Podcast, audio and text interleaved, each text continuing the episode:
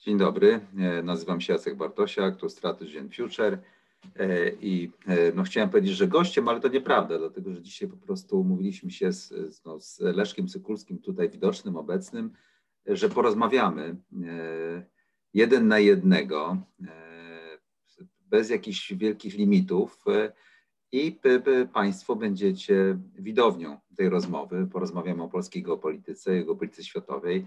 Witam Panie Leszku. Witam Panie Jacku, e, witam Państwa. Tak, zastanawialiśmy się również e, długo, według e, jakiego wzorca, czy według jakiej, jakiego pomysłu poprowadzić tę rozmowę i pomyśleliśmy sobie, że zaczniemy po prostu od tego, że wzajemnie zadamy sobie pytanie, czym właściwie się różnimy w naszym postrzeganiu, w percepowaniu rzeczywistości. No tak, z jakich szkół geopolitycznych pochodzimy, może jaki każdy ma swój, e, swoją perspektywę. Więc ja może zacznę w ten sposób. Panie Leszku, jaka jest Pana ocena? Czym się różnimy w postrzeganiu rzeczywistości?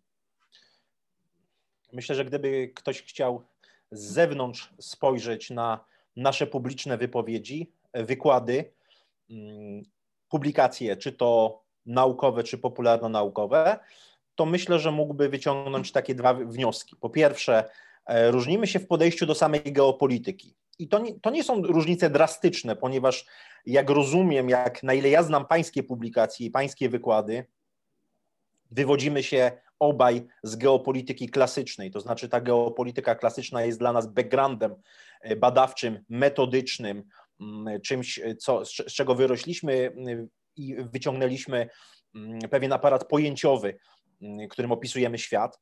Y, I y, oczywiście tu, tutaj w tym zakresie wielkich różnic między nami nie ma. Natomiast w mojej ocenie ja większy nacisk kładę na te elementy, które z kolei zaczerpnąłem z geopolityki krytycznej, czy też w ogóle szerzej patrząc z geopolityki informacyjnej, z tego trendu, czyli uwypuklam kwestie bardziej cywilizacyjne, kulturowe, kwestie operacji e, psychologiczno-informacyjnych, e, czyli to, co ja nazywam, czy też uwypuklam ten trend, który nazwałem w 2018 roku w swojej książce Geopolityka Bezpieczeństwo Polski mianem proliferacji przestrzeni. To znaczy podkreślam to, że o tyle, o ile geopolityka jest niczym innym jak walką o przestrzeń wraz z jej zasobami, mówię tutaj oczywiście o geopolityce praktycznej, walką o przestrzeń wraz z jej zasobami, rywalizacją o przestrzeń wraz z jej zasobami, to y, ten proces, który nazywam proliferacją przestrzeni, spowodował, że y, walka o przestrzeń fizyczno-geograficzną y, stała się jednym z elementów rywalizacji na planecie Ziemia, tak to nazwijmy. Zatem to uwypuklenie przestrzeni informacyjnej, którą rozumiem zarówno znaczy na dwóch płaszczyznach. Przestrzeń informacyjna to dla mnie dwie płaszczyzny. Po pierwsze, to płaszczyzna mentalna, kognitywna, to co nazywamy noosferą, tą, przez, tym płaszczem mentalnym Ziemi, i, um, którą każdy, ma, każdy z nas ma swoją noosferę, um, swoją percepcję rzeczywistości. Jednych ludzi lubimy, nie lubimy, mamy takie, a nie inne poglądy, no, to jakby jest oczywista sprawa.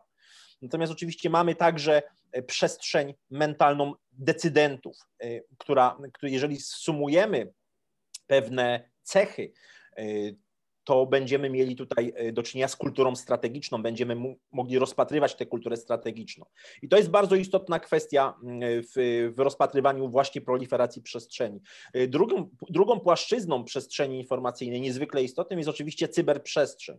Od niedawna niezwykle istotna, niezwykle mm, ważki, e, ważka płaszczyzna ry, rywalizacji. Właściwie możemy powiedzieć, że lata 2004-2006, pojawienie się Web 2.0, pojawienie się tego internetu, w którym użytkownicy są nie tylko biernymi konsumentami informacji, ale także współuczestniczą, kreują y, właśnie y, kreują te informacje, jest niezwykle mm, istotna z punktu widzenia walki o, o tę przestrzeń, której, no tak można powiedzieć, nie dostrzegamy w taki sposób jak przestrzeń fizyczno-geograficzną. No i wreszcie trzeci wymiar przestrzeni, czyli przestrzeń kosmiczna, która dzisiaj ma coraz większe znaczenie. Jeśli spojrzymy jeszcze powiedzmy na koniec dekady pierwszej dekady XXI wieku i na debatę w polskim środowisku akademickim dotyczącą zbrojeń w przestrzeni kosmicznej, czy na temat takich pojęć jak astropolityka i astrostrategia, to zobaczymy, że wówczas traktowano ludzi, którzy podejmowali te tematy jak, no jak można powiedzieć, nieco bujających w obłokach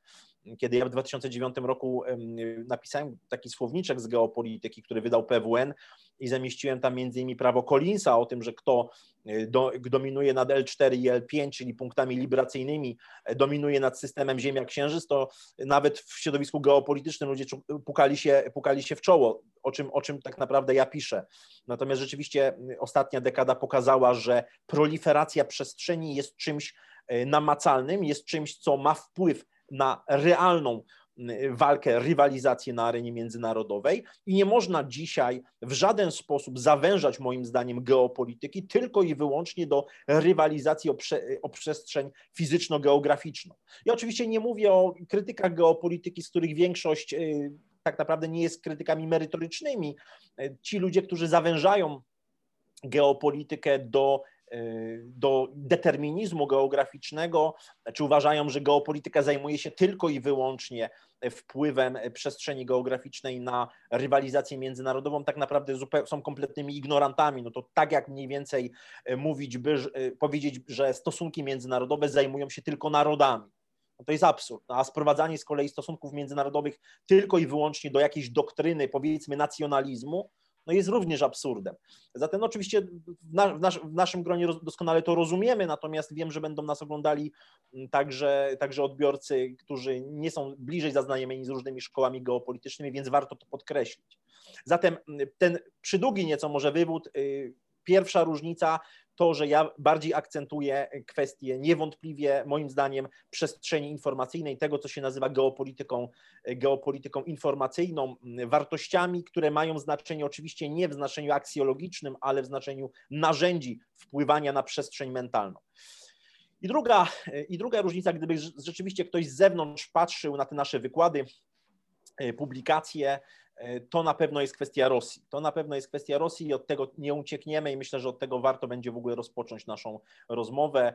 Mm, myślę, że w tym momencie warto też podziękować tutaj internautom, którzy bardzo licznie zadawali swoje pytania i tak naprawdę ten wątek rosyjski pojawiał się. Właściwie nie było mm, żadnego medium, żadnego z medium społecznościowych, w którym nie pojawiłby się ten wątek Rosji, stosunków polsko-rosyjskich, kwestii Międzymorza, Trójmorza, polskiego dziedzictwa, mm, tradycji politycznej itd., tak itd., tak związanej oczywiście z relacjami z Rosją. No i tutaj myślę, że, że na pewno się różnimy. Może, to... może Panie Leszku, zaraz o Rosji, bo to jest ogromny temat. Y, y, y, ja się może odniosę do tej przestrzeni. Mhm. Tak, może się odniosę do, do tej przestrzeni. Ja myślę, że osad, prak, praktycznie różnic nie ma w postrzeganiu. Ja po prostu wyprowadzam inny wzór logiczny, tak bym to ujął. Otóż geopolityka dotyczy de facto kontroli władzy władzy i kontroli nad, nad przestrzenią, wykorzystywania przestrzeni. E, ja wychodzę z takiego po prostu założenia, że ludzie żyją w domenie powierzchni Ziemi. Tak? Po prostu żyją w, na Ziemi. I inne domeny, i tutaj jest realizowana realna władza. Tutaj zachodzą decyzje, zapadają decyzje. W związku z tym tu jest kumulacja wykorzystywania innych domen. Inne domeny są służebne wobec domeny lądowej. E, a zatem domena morska, tradycyjnie też najdłużej funkcjonująca, floty, handel morski, domena powietrzna, domena w spektrum elektromagnetycznym, cyberprzestrzeni, właśnie gdzie się kumulują informacje i przepływy strategiczne też informacji i przestrzeń kosmiczna od niedawna. E, chodzi o to, że te wszystkie domeny, rywalizacje tam, poszukiwanie przewag, wszystkie strategie związane z tymi domenami, a strategią jest coś, czyli coś, co jest trwałym poszukiwaniem przewagi albo utrzymaniem tej przewagi i spektrum działań mających na celu uzyskanie tej przewagi i utrzymanie, kumulują się ostatecznym celu tym, żeby na tej ziemi, gdzie ludzie żyją, a zatem gdzie zachodzą te istotne interakcje i stosunki władzy, żeby osiągać ten cel. I, i, i jak gdyby wyprowadziłem to z klasycznej geopolityki, właśnie gdy ci dawni jeszcze mistrzowie, którzy no, tego powietrza nie, czy nie rozumieli, czy jeszcze go nie znali, albo nie było technologicznie do, do użycia, było tylko właściwie ląd i morze, nie było spektrum elektromagnetycznego, no siłą rzeczy definiowali te stosunki władzy, bo one tym bardziej były wyraźne w oparciu o domenę lądową i morską ewentualnie. Tak? I, I to było dla nich bardzo wyraźne. Teraz rzeczywiście świat się komplikuje, bo, bo y, ten cały ruch związany z wymianą ludzką, handlową, intelektualną, wszystkim strategicznymi przepływami, tym wszystkim, że się poruszamy, zaczyna dotyczyć też innych domen i one wpływają na ostateczny rezultat walki na lądzie, czy jakiejś interakcji na, na lądzie. I jeszcze bardzo długo tak będzie. W związku z tym, no właściwie i w Strategy Future ja zajmujemy się no, rosyjska wojna nowej generacji, czy wojna hybrydowa, czy jak to nazwiemy, czy wszechwojna, czy po prostu strategia rosyjska, oczywiście jest wielodomenowa z punktu widzenia. Amerykanie od niedawna też. E, polska polityka również powinna sobie zdawać z tego sprawę, że musi być wielodomenowa pod tym względem. Nie dotyczy przecież tylko relacji na lądzie i tak dalej, i tak dalej. E, tak jak mówię, no, każda nauka czy każdy paradygmat podlega pewnej fluktuacji wynikającej z tego, że no, mamy nowe środki oddziaływania, nowe technologie, nowe e, konektory, jak właśnie na przykład fale elektromagnetyczne i tam też się toczy walka, walka o jakieś rozstrzygnięcia. To może ty, tytułem wyjaśnienia, e, tytułem wyjaśnienia, że ja wychodzę jak gdyby z tych e, pozycji i dochodzimy do, do opisu rzeczywistości tymi drogami, tak, pan taką, ja, ja taką, panie Leszko. Ale przechodząc do, e, do Rosji, no właśnie, jakby pan to zdefiniował? Czym się różnimy w podejściu do, do Rosji, w ogóle do tematu Polska, Rosja, tak, tej miejsca relacji między nami, między nami tak, a Rosjanami. To rzeczywiście szeroki temat, więc może zacznijmy od kwestii ogólnych, od ogółu do szczegółu. Na tyle, na ile ja znam Pańskie poglądy, a myślę, że jeśli chodzi o e, wykłady czy publikacje, to jestem w miarę na bieżąco. I e, zapoznając się chociażby z Pańską przedostatnią książką Rzeczpospolita między lądem a morzem i z jej ostatnim rozdziałem, z tą symulacją konfliktu polsko-rosyjskiego i patrząc na mm, pańskie wypowiedzi w, tym zakresie, abstrahując od szczegółów, to mam nieodparte wrażenie i nie jest to tylko moje wrażenie, żeby tutaj była pełna jasność. Myślę, że tutaj w części środowiska geopolitycznego, które ja reprezentuję, czyli w części Polskiego Towarzystwa Geopolitycznego i w Polskim Towarzystwie Geostrategicznym, y, mamy takie, takie wrażenie, że, że w, w pańskim poglądzie Polska jest skazana na wojnę z Rosją, że ten konflikt tak naprawdę no, w pańskiej optyce ociera się o determinizm geograficzny i, mm, i tak jak powiedziałem, nie jest, to, nie jest to tylko i wyłącznie moje, moja opinia. Myślę, że to jest dosyć, dosyć, y, jeżeli chodzi o internautów na przykład, myślę, że to jest dosyć powszechny pogląd. Y, I y, takie, takie podejście, taka symulacja, czy, czy udział w grach wojennych, które symulują wojnę z Rosją, tak naprawdę no, nie pozostawia tutaj pola manewru. To znaczy, ja w pańskiej nie chcę powiedzieć w doktrynie geopolitycznej, którą Pan reprezentuje, ale w Pańskich poglądach geopolitycznych nie za bardzo widzę y, pole manewru w relacjach z Rosją. Moje spojrzenie jest zupełnie inne. Tak ja przynajmniej uważam oczywiście w tym, w tym zakresie. To znaczy, wychodzę z założenia, to nie będzie jakimś wielkim odkryciem, ale e, wychodzę oczywiście od y, klasyki, czyli od Halforda Mackindera, od jego demokratycznych ideałów, a rzeczywistości i e, od tego, w jaki sposób kreślił e, relacje polityczno-gospodarczo-społeczne, procesy historyczne na obszarze Eurazji. Jeśli spojrzymy przez szeroki pryzmat, czyli w kategoriach wielkoprzestrzennych i długookresowych na kontynent eurazjatycki, to zobaczymy, że ścierały się na przestrzeni dziejów tendencje integracyjne i dezintegracyjne. I oczywiście, jeżeli spojrzymy dzisiaj na rzeczywistość geopolityczną, to, to osiągnęliśmy taki pułap, w którym rzeczywistość opisana przez Halforda Mackindera w 1919 roku jest bardzo bliska ziszczeniu się. To znaczy, właściwie gdybyśmy przełożyli język Mackindera na współczesny język współczesnej geopolityki i geostrategii, to mm, connectivity, bo tak naprawdę to jest esencja, y, esencja wynikająca z, z, z syntezy, mm, z syntezy Heartlandu i strefy brzegowej, mm, jest jak najbardziej bliska ziszczeniu się. I pytanie jest, czy, czy w interesie Polski jest integracja lądowych mas eurazjatyckich, szeroko pojęta poprzez strategiczne inwestycje w infrastrukturę, wymiana handlowa, czy też, ja bym powiedział nawet więcej, strefa wolnego handlu na obszarze Eurazji, czy nie? Czy, więc ja uważam, że w naszym interesie, w interesie państwa polskiego, jako rozumianego jako ośrodek siły leżący na styku niziny środkowej i wschodnioeuropejskiej, jest przyjęcie rol, roli państwa tranzytowego, czyli obszaru osiowego, obszaru osiowego. W tym kontekście, jeśli czytam Eugeniusza Romera i czytamy Eugeniusza Romera i patrzymy na koncepcję Międzymorza, obecnie Trójmorza, które bardzo różnie jest definiowane i, i, i różnie postrzegane od koncepcji stricte gospodarczych, czy też geoekonomicznych, aż po geopolityczny wymiar. Moim zdaniem jak najbardziej należy rozpatrywać Trójmorze w kategoriach geopolitycznych to zobaczymy, że te koncepcje nie są zbieżne, w mojej ocenie, nie są zbieżne. Ja uważam, że mm, dziś e, Polska e, tak naprawdę stoi e, antagonistycznie w stosunku do tendencji, do trendów, które panują w Eurazji. To znaczy stoi antagonistycznie wobec Mm, tego wielkiego procesu integracji infrastrukturalnej, gospodarczej kontynentu eurazjatyckiego, rozumianego jako szeroko, szeroko pojęte connectivity. E, I w związku z tym uważam, że i widzimy już pierwsze zresztą tego, tego symptomy, tego, tego skutki tego, tej antagonistycznej postawy. Mam na myśli budowę czy tworzenie kolejowego Nord Stream, czyli omijania Polski, y, jeżeli chodzi o handel z Chinami.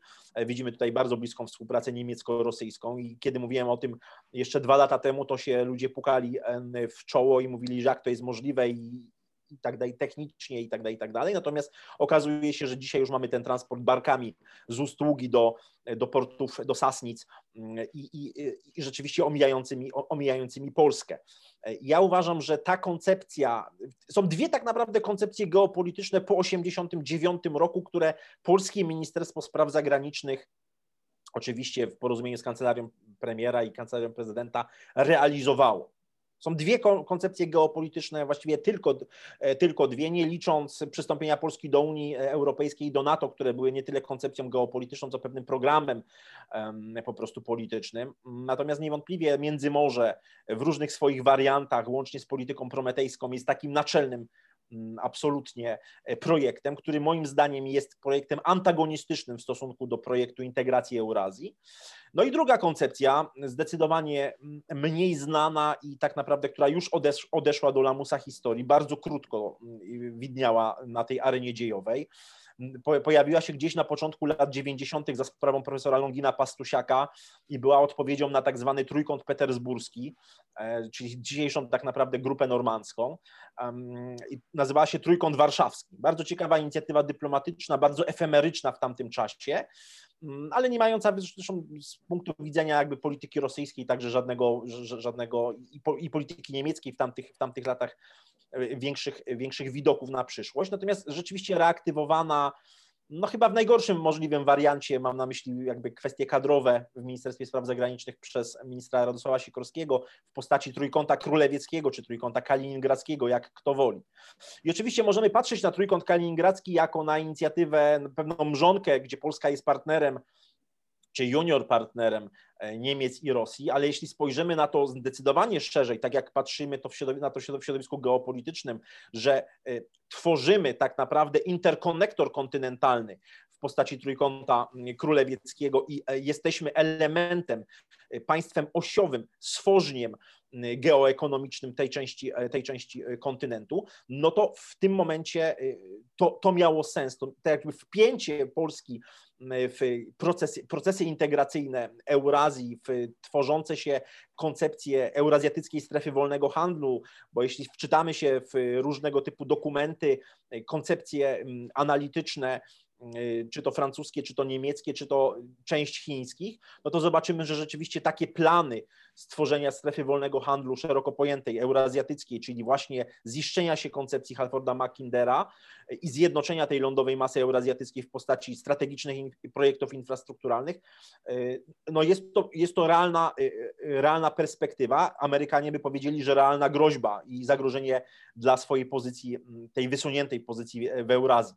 Stąd ja uważam, że między Polską a Rosją tak naprawdę, tak naprawdę dzisiaj nie ma poza kwestiami historycznymi ważniejszych y, przeszkód y, w rozwoju. Nie ma w rozwoju tych relacji, we współpracy. Ja uważam, że Polska naczelnym projektem państwa polskiego był, powinien być projekt nie geopolityczny, nie budowanie bloku geopolitycznego pod polską egidą, Międzymorza, Trójmorza, jakbyśmy to nie nazwali. E, są i zwolennicy dość egzotycznej, po prostu egzotycznej w, moim, w mojej ocenie osi e, Szwecja, Polska, e, Turcja, niektórzy jeszcze poszerzają to o, Ukrainie, o Ukrainę na przykład, to możemy też to poruszyć, dlaczego uważam, że jest to absolutna mrzonka. Mm, natomiast, natomiast moim zdaniem, aby budować blok geopolityczny jako samodzielny podmiot, suwerenny podmiot, należy mieć przede wszystkim siłę gospodarczą i siłę militarną. Dzisiaj Polska nie ma takiej siły, czy znaczy najlepszym probierzem na to, czy dany podmiot, dany ośrodek siły jest w stanie budować blok geopolityczny, jest odpowiedź na pytanie, czy jest w stanie zupełnie hipotetycznie siłą militarną narzucić posłuszeństwo innym państwom regionu. Mówię zupełnie hipotetycznie. Dzisiaj Polska w żaden sposób nie jest w stanie siłą militarną, nie ma takiej zdolności do projekcji siły, aby narzucić obszarowi zlewiska Adriatyku, Bałtyku i Morza, Czarneckiego, i Morza Czarnego y, swojej, swojej woli politycznej. No nie ma takiej możliwości militarnej. W związku z tym, gdybyśmy zaczęli analizować, czy ma, czy ma zdolności gospodarcze, czy ma soft power, czy ma zdolności właśnie miękkie, to też dojdziemy bardzo szybko do, do, do, do wniosku, że nie, że nie jesteśmy takim atraktorem, który jest w stanie przyciągać i jakby pełnić rolę y, lidera geopolitycznego. W związku z tym, moim zdaniem, naturalną drogą, jeżeli myślimy, przyjmujemy bardzo szeroki horyzont, y, przynajmniej jednego pokolenia, jest budowa bloku geoekonomicznego, czyli, czyli szerzej wpinanie Polski y, właśnie we wszelkiego rodzaju interkonektory logistyczne, infrastrukturalne, które e, rozwijają się dzisiaj w Eurazji, e, ponieważ tylko i wyłącznie akumulacja kapitału i budowa siły geoekonomicznej daje jakiekolwiek podstawy do tego, żebyśmy mogli myśleć o rozwoju siły militarnej, potęgi militarnej i narzucaniu swojej woli politycznej. Ja bardzo dobrze pamiętam czasy pomarańczowej rewolucji i lata 2014-2015, kiedy tak naprawdę ta pomarańczowy karnawał ogarnął sporą część establishmentu w Polsce, ale Ukraińcy ukraińscy analitycy bardzo chłodno wtedy mówili, czy Polska jest dzisiaj nam w stanie zapewnić e, miliard dolarów bezzwrotnego kredytu. No, no nie, no nie, Polska nie była w stanie tak prostej rzeczy zrobić. Poza oczywiście jakimś wsparciem dla Y, zobaczmy zresztą na wsparcie militarne, jakiego Polska udziela y, po, y, od, 1000, od 2014 roku Ukrainie, po, po rozpoczęciu walk w Doniecku, w Ługańsku, po właściwie no, faktycznej wojnie rosyjsko, rosyjsko-ukraińskiej. Jakiego, jaka, jakiego, jakiej skali jest to pomoc, jak niewielkiej skali jest to pomoc. Także ja uważam, że próba bardzo niebez... próba gry w Międzymorze dzisiaj jest bardzo niebezpieczną próbą, y, ponieważ jest y, absolutnym mm, uprzedmiotowieniem państwa polskiego, dokładnie w duchu tego, o czym mówił George Friedman kilka lat temu w Chicagowskiej Radzie Spraw Globalnych, kiedy mówił o tym, że Amerykanie potrzebują e, kordonu sanitarnego. Ja na swoim kanale na YouTube zrobiłem na ten temat materiał, porównałem zresztą wypowiedzi e, Friedmana i e, Aleksandra Dugina, który również mówił o kordonie sanitarnym. To zresztą on, nie wiem, od czasu Georgesa Clemenceau od 1918 i kolejnych lat bardzo modne mówienie o tej części Europy kordon sanitarny, tylko pytanie, czy nie jest to dla nas ubliżające, czy nie jest to e, obraźliwe dla, e, dla polskich elit intelektualnych traktowanie nas jako kordonu sanitarnego. Ja uważam, że jest to obraźliwe, ale e, oczywiście nie w warstwie emocjonalnej, tylko w warstwie czysto geopolitycznej, uprzedmiotowienie Polski i um, przyjęcie na siebie roli amerykańskiego parawanu, amerykańskiego y, kordonu, y, czy też no mówiąc bardziej wprost, zderzaka amerykańskiego w tej części Europy, czy też amerykańskiego lotniskowca w tej części Europy, jest moim zdaniem sprzeczne z polską racją stanu i, i, dobrze, się i dobrze się nie skończy, jeżeli będziemy to realizowali, ponieważ dzisiaj próba wpływania na percepcję Polaków w taki sposób, aby obniżyć próg wejścia w ewentualny konflikt z Rosją, jest moim zdaniem albo czy, czystym samobójstwem, albo szaleństwem po prostu, no albo jest realizowaniem obcej woli politycznej. I, e, i, i to jest niebezpieczne. Z, z mojego punktu widzenia nic nie stoi tak naprawdę na przeszkodzie normalizacji stosunków y, politycznych, gospodarczych z Federacją Rosyjską. Jeśli spojrzymy na dane Głównego Urzędu Statystycznego za ubiegły rok, za 2019, to zobaczymy, że Rosja jest zarówno jeśli chodzi o import, jak i o eksport, jest absolutnie w pierwszej, w pierwszej dziesiątce y, państw, z którymi Polska prowadzi, prowadzi wymianę handlową. Y, I jeżeli spojrzymy nawet szczegółowo na, na, na, te, na te dane, no to zobaczymy, że jeżeli chodzi o eksport, Rosja jest wyżej niż Stany Zjednoczone jest na siódmym miejscu, tak? Jest, jest na siódmym miejscu i ta wymiana e, i ta wymiana handlowa, mimo tak napiętych relacji e, politycznych, mimo tych zaszłości historycznych, jest naprawdę na, można powiedzieć, y, na pewno nie na, na takim poziomie, na jakim powinna być, no ale te powiedzmy w granicach jest to powyżej 8 miliardów, 8 e, miliardów dolarów, to jest, to, jest, to jest sporo, to jest o niecały tam powiedzmy miliard więcej niż, e, niż e, kwestia e, eksportu do, do Stanów panie, Zjednoczonych. Natomiast jeśli chodzi o sam panie, import, panie Leszku, jeśli na mogę, trzecim miejscu Rosja. Bo, może będzie lepsza formuła taka, że będziemy krócej i będziemy... Okej. Okay. Powiedział Pan ze 20 kwestii teraz. I teraz, żebym ja nie przez, przez długo nie mówił, bo będzie chyba ciekawsze, jak będziemy po jednej kwestii, okay. będziemy sobie ją mocniej tak grillować. Poza tym to rzeczywiście jest ogromny temat, tak? I jest mnóstwo wątków. Więc ja może w telegraficznym skrócie odniosę się, udało mi się może zapisać większość z tych, z tych rzeczy, a później właśnie jakbyśmy mogli jeden wątek i wymiana, jeden wątek kolejny i tak dalej. Będzie nam po prostu chyba dla słuchaczy będzie to lepiej, bardziej, e, e, no powiedziałbym, do strawienia, tak? I do przemyślenia. No więc rzeczywiście tu się różnimy z Rosją, tak? E, znaczy różnimy się ja, e, ja i pan co do stosunku do, do państwa rosyjskiego. Nie chciałbym zabrzmieć oczywiście e, tak protekcjonalnie z tego, co powiem, ale ja odczuwam to emocjonalnie w tym sensie, że mam takie poczucie, że moje, mój stosunek do Rosji, teraz go wyjaśnię dokładnie, wynika, z, jest wprost i mam też konflikt z OSW ludźmi na ten temat, dlatego że ja uważam, że to, co ja uważam o Rosji, wynika wprost z wykładni wielkiej strategii Rzeczypospolitej od XVI wieku. Jak gdyby to, co zaraz powiem w równaniu matematycznym, jest nieusuwalnym interesem Rzeczypospolitej i nienegocjowalnym. I właściwie jest to jedyny interes, który jest niezmienny państwa polskiego w jego różnych przejawach federacyjnego, tego, co obecnie. To jest nieusuwalny interes. I niezabezpieczenie tego interesu z czasem zawsze prowadzi do zguby państwa, do jego uprzedmiotowienia. Ten interes polega na tym, że nie możemy dopuścić, żeby Rosja była zapraszana do gry o równowagę na kontynencie europejskim. Gdy Rosja nie jest czynnikiem gry o równowagę na kontynencie europejskim, mamy niepodległość i złote czasy. Gdy Rosja jest zapraszana do gry na kontynencie europejskim, jesteśmy uprzedmiotowani w grze, uprzedmiotowieni w grze między zachodnimi mocarstwami a Rosją, albo nie istniejemy. Jesteśmy funkcją tylko tych relacji. W związku z tym nie możemy dopuścić Rosji do gry o równowagę w Europie. To jest oczywiście bardzo trudne zadanie w dobie now, nowoczesnej. Stąd nie mieliśmy niepodległości, stąd mieliśmy rok 1939, stąd mieliśmy PRL.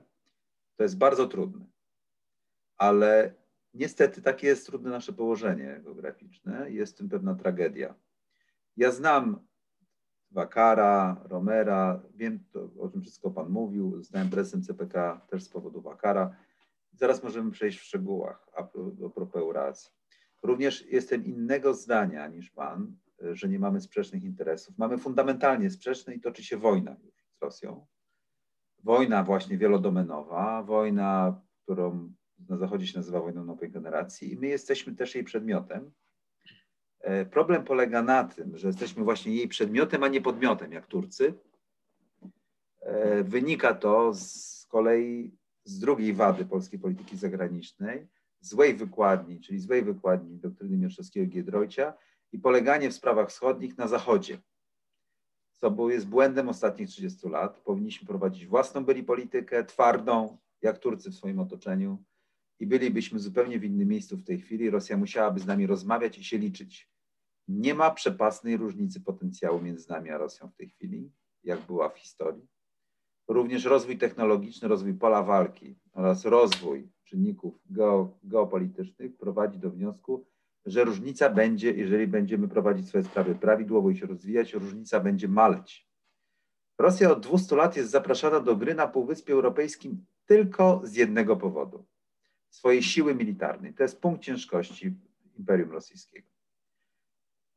Proszę zwrócić uwagę, że została zapraszana dokładnie w momencie, gdy Rzeczpospolita za czasów saskich, końcówki czasów saskich się rozpadała, e, nie była samosterowna zupełnie i w dokładnie w momencie, gdy wraz z rewolucją francuską masa i liczba rekruta zaczęła mieć znaczenie i od tej pory Niemcy w swoich grach o równowagę wobec Francuzów, czy wobec Wielkiej Brytanii, Francuzi wobec Niemców, zapraszali Rosję do systemu kontynentalnego kosztem nas. Te czasy masowych e, rekrutów się kończą, Rosja ma problemy demograficzne, armie nie będą już liczebne. W związku z tym Rosja traci walutę w stosunkach międzynarodowych. Znacząco traci walutę. Próg wejścia i wypchnięcia, za Jelcyna została wypchnięta z, z, z systemu europejskiego w dwudziestoleciu międzywojennym również nie była w, w systemie aż do 1939 roku, w systemie międzynarodowym. Była wypchnięta, dlatego mieliśmy wolność e, i niepodległość, bo pobiliśmy Rosję. I też chciałbym wierzyć, że można inaczej, ale nie można. Przede wszystkim dlatego, że Rosjanie tak postępują z powodu poczucia zagrożenia. E, nie są złymi ludźmi. Chodzi tylko o to, że realizują swoje uwarunkowania geopolityczne w ten, a nie w inny sposób. Należy się im też szacunek, bo mają bardzo słabe państwo, fatalną geografię, o czym Pan wie, ale mają znakomite elity. Życzyłbym sobie, żebyśmy mieli takie instytucje i takie elity i bardzo mnie drażni e, wyzywanie od ruskich onuc kogokolwiek, kto pochwali, że Ławrow ma mózg, a wojsko rosyjskie naprawdę umie e, dokonywać przerzutów strategicznych na duże odległości. Żeby pokonać przeciwnika, trzeba przede wszystkim mieć do niego szacunek i rozumieć, że mają pojęcie, o czym mówią. I między innymi dlatego Rosja, rozumiejąc, że zmienia się struktura ładu światowego w, po roku 2007-2008, rozpoczęła forsowną modernizację sił zbrojnych, po to właśnie, żeby wziąć udział w grze równowagi. I dlatego Francja potrzebuje teraz Rosji, żeby balansować Turcję. E, I chodzi o to, że Polska jest przedmiotem tej gry, dlatego że bazowała na Zachodzie. Musimy stać się czynnikiem, który ma siłę, żeby to zmienić, bo inaczej będzie, będzie problem. Nie zgadzam się całkowicie, z, no, nie całkowicie, ale nie zgadzam się z, z tym, co Pan powiedział o Eurazji. Otóż rzeczywiście że realizuje się idea Mackindera. Między innymi dlatego budowaliśmy centralny port komunikacyjny, ale realizuje się inaczej niż w równaniu Mackindera, realizuje się pod dyktando Chin. A to powoduje inny wynik równania Mackinderowskiego, korzystniejszy dla Polski. Wbrew znów tym, którzy ślepo są zapatrzeni w Stany Zjednoczone. Więc już nawet w tej pięciominutowej wypowiedzi narobiłem sobie wrogów na każdym kierunku, panie Leszku, e, a ja po prostu tak uważam. Dlatego, że Chińczycy nie zagrażają Polsce, a potencjalnie mogą być sojusznikiem Polski, tylko że wcześniej łamią ład międzynarodowy, który Polsce służył. Na tym polega problem. Że gdy powstanie Eurazja, y, Robert Kaplan napisał wspaniały esej dla Pentagonu kilka lat temu o tym, jak będzie wyglądała właśnie ta nowa Eurazja, o której Pan powiedział. I rzeczywiście, jeżeli Amerykanie nie pójdą na wojnę dosyć szybko z Chinami, możemy też w dzielnym wątku o tym porozmawiać, to ona powstanie. Chiny będą w niej dominować, ale i tak musimy doprowadzić do tego, żeby Rosja była słabym, wypchniętym z Europy państwem, nawet w Nowej Eurazji. Innymi słowy, nieusuwalny jest konflikt między nami a Rosją. I akurat rzeczywiście, gdyby Chiny zdobyły e, dominację w Eurazji e, swoim pasem i szlakiem, to istnieje spora szansa, że Rosja stałaby się słabym, spauperyzowanym państwem, e, który byłby mitygowany chociażby przez Chińczyków w swoich aspiracjach imperialnych, bo Chińczycy chcieliby mieć spokój na bazie, na głównej linii przesyłowej do, do zachodniej Europy.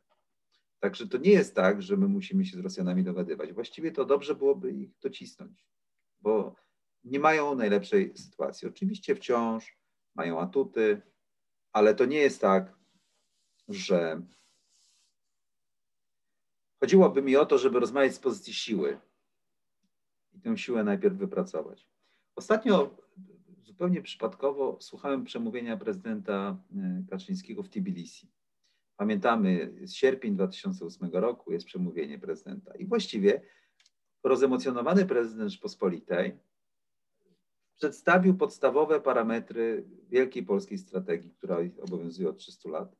Problem polega na tym, gdy to, że gdy to mówił, to były puste słowa. One intelektualnie były ok, tylko nie były poparte instrumentami polityki polskiej, bo nie mieliśmy tych instrumentów, ani siły zbrojnej, która by w stanie była zatrzymać Rosjan, ani instrumentów nacisku na Rosjan, ani na naszych partnerów na Zachodzie, żeby musieli to zrobić, co my chcemy.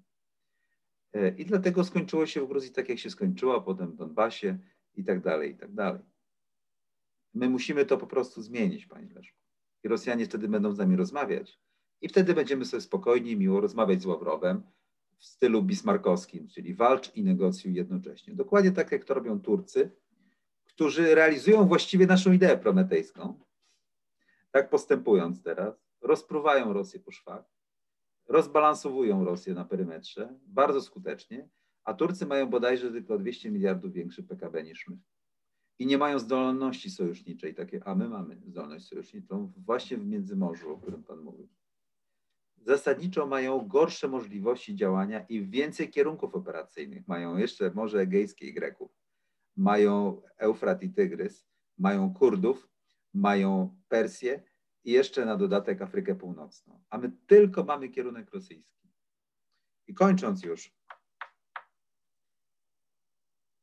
uważam, że bez zmiany układu sił w Europie Środkowo-Wschodniej, gdzie my sami musimy dojrzeć i zrzucić adopcję strategiczną, będziemy zawsze tylko przedmiotem gry. Jeszcze niedawno myślałem sobie, że może opcja kontynentalna, bo wiadomo, że uważam, że mamy tak naprawdę na stole albo opcję neoatlantycką, o której Pan mówi, że jest bez sensu, czyli Trójmorze, Międzymorze, Amerykanie, albo opcję kontynentalną, czyli oparcie się o Unię Europejską. Jeszcze myślałem ostatnio, że rzeczywiście ta opcja kontynentalna może być najlepszym rozwiązaniem, bo stabilizuje nas, zdejmuje z nas ten obowiązek dorosłości i gdzieś tam mamy bezpieczeństwo i prosperity, tak się wydawało. Ale kazus białoruski pokazał mi, że Europejczycy, dopóki nie zrozumieją, że to układ y, balance of power decyduje o rozstrzygnięciach, orientacjach geostrategicznych i nie zdobędą tego, tej siły, również na wschodniej flance NATO, to będzie to humbug. Testowany przez Rosjan i tak. Więc tak czy siak my musimy, w każdym z tych scenariuszy właściwie musimy się zachować tak samo. Zbudować własną siłę, własne wojsko, wielodomenowość i własne instrumenty polityki bo tak czy siak nie zauczestniczymy w niczym i nawet nie będzie mógł wakar być zrealizowany, nie będziemy w stanie wziąć udziału w grze o connectivity. Zresztą doświadczenie CPK to pokazało bardzo, bardzo dobitnie. Po prostu. No to tak, poruszył Pan sporo, sporo wątków. Mm, I myślę, że, że rozpocznę od tego, że tu rzeczywiście myślimy zupełnie inaczej. To znaczy, pan nawiązując w ogóle do XVI wieku, myśli y, bardzo zresztą podobnie jak Lech Kaczyński świętej pamięci o Polsce jako ośrodku siły, który ma znacznie szersze granice niż te, które dzisiaj widzimy na mapie geograficzno-politycznej. I y, ta różnica w percepcji, w ocenie, y, w prognozach, w diagnozie także między nami zasadza się na tym fundamentalnym Y, rozróżnieniu, że Pan widzi Rzeczpospolitą jako podmiot geopolityczny przede wszystkim na nizinie wschodnioeuropejskiej, oddziałującej na, na nizinie wschodnioeuropejskiej. Ja z kolei patrzę na e, państwo polskie, na może mówiąc bardziej, e, bardziej żargonowo, na polski ośrodek siły jako na ten, który jest usadowiony w dorzeczu Wisły i Warty, nie w dorzeczu Dniepru, nie w dorzeczu Dźwiny. I to jest fundamentalna różnica. I e, ona, z tego biorą się główne, moim zdaniem, tutaj. Mm, Panie Leszko, to może od razu, żeby było aktywniej, tak? Ja bym też chciał myśleć tak jak pan, ale niestety uważam, że nie ma pan racji. I nie dlatego, że ja uważam, że ja mam, tylko współczesny sposób walki o sprawczość, właśnie rywalizacja w tych wszystkich domenach, o których Pan y, powiedział na samym początku, w tym zmierzenie się z, z rosyjskim punktem ciężkości, a, a, a nim jest siła militarna rosyjska, wymaga czegoś, co się nazywa aktywną obroną, a czym bardziej mamy nowoczesne środki rozpoznania i rażenia na duże odległości, tym bardziej musimy patrzeć na Dniepr i Dźwinę właśnie nawet bardziej niż 100 lat temu.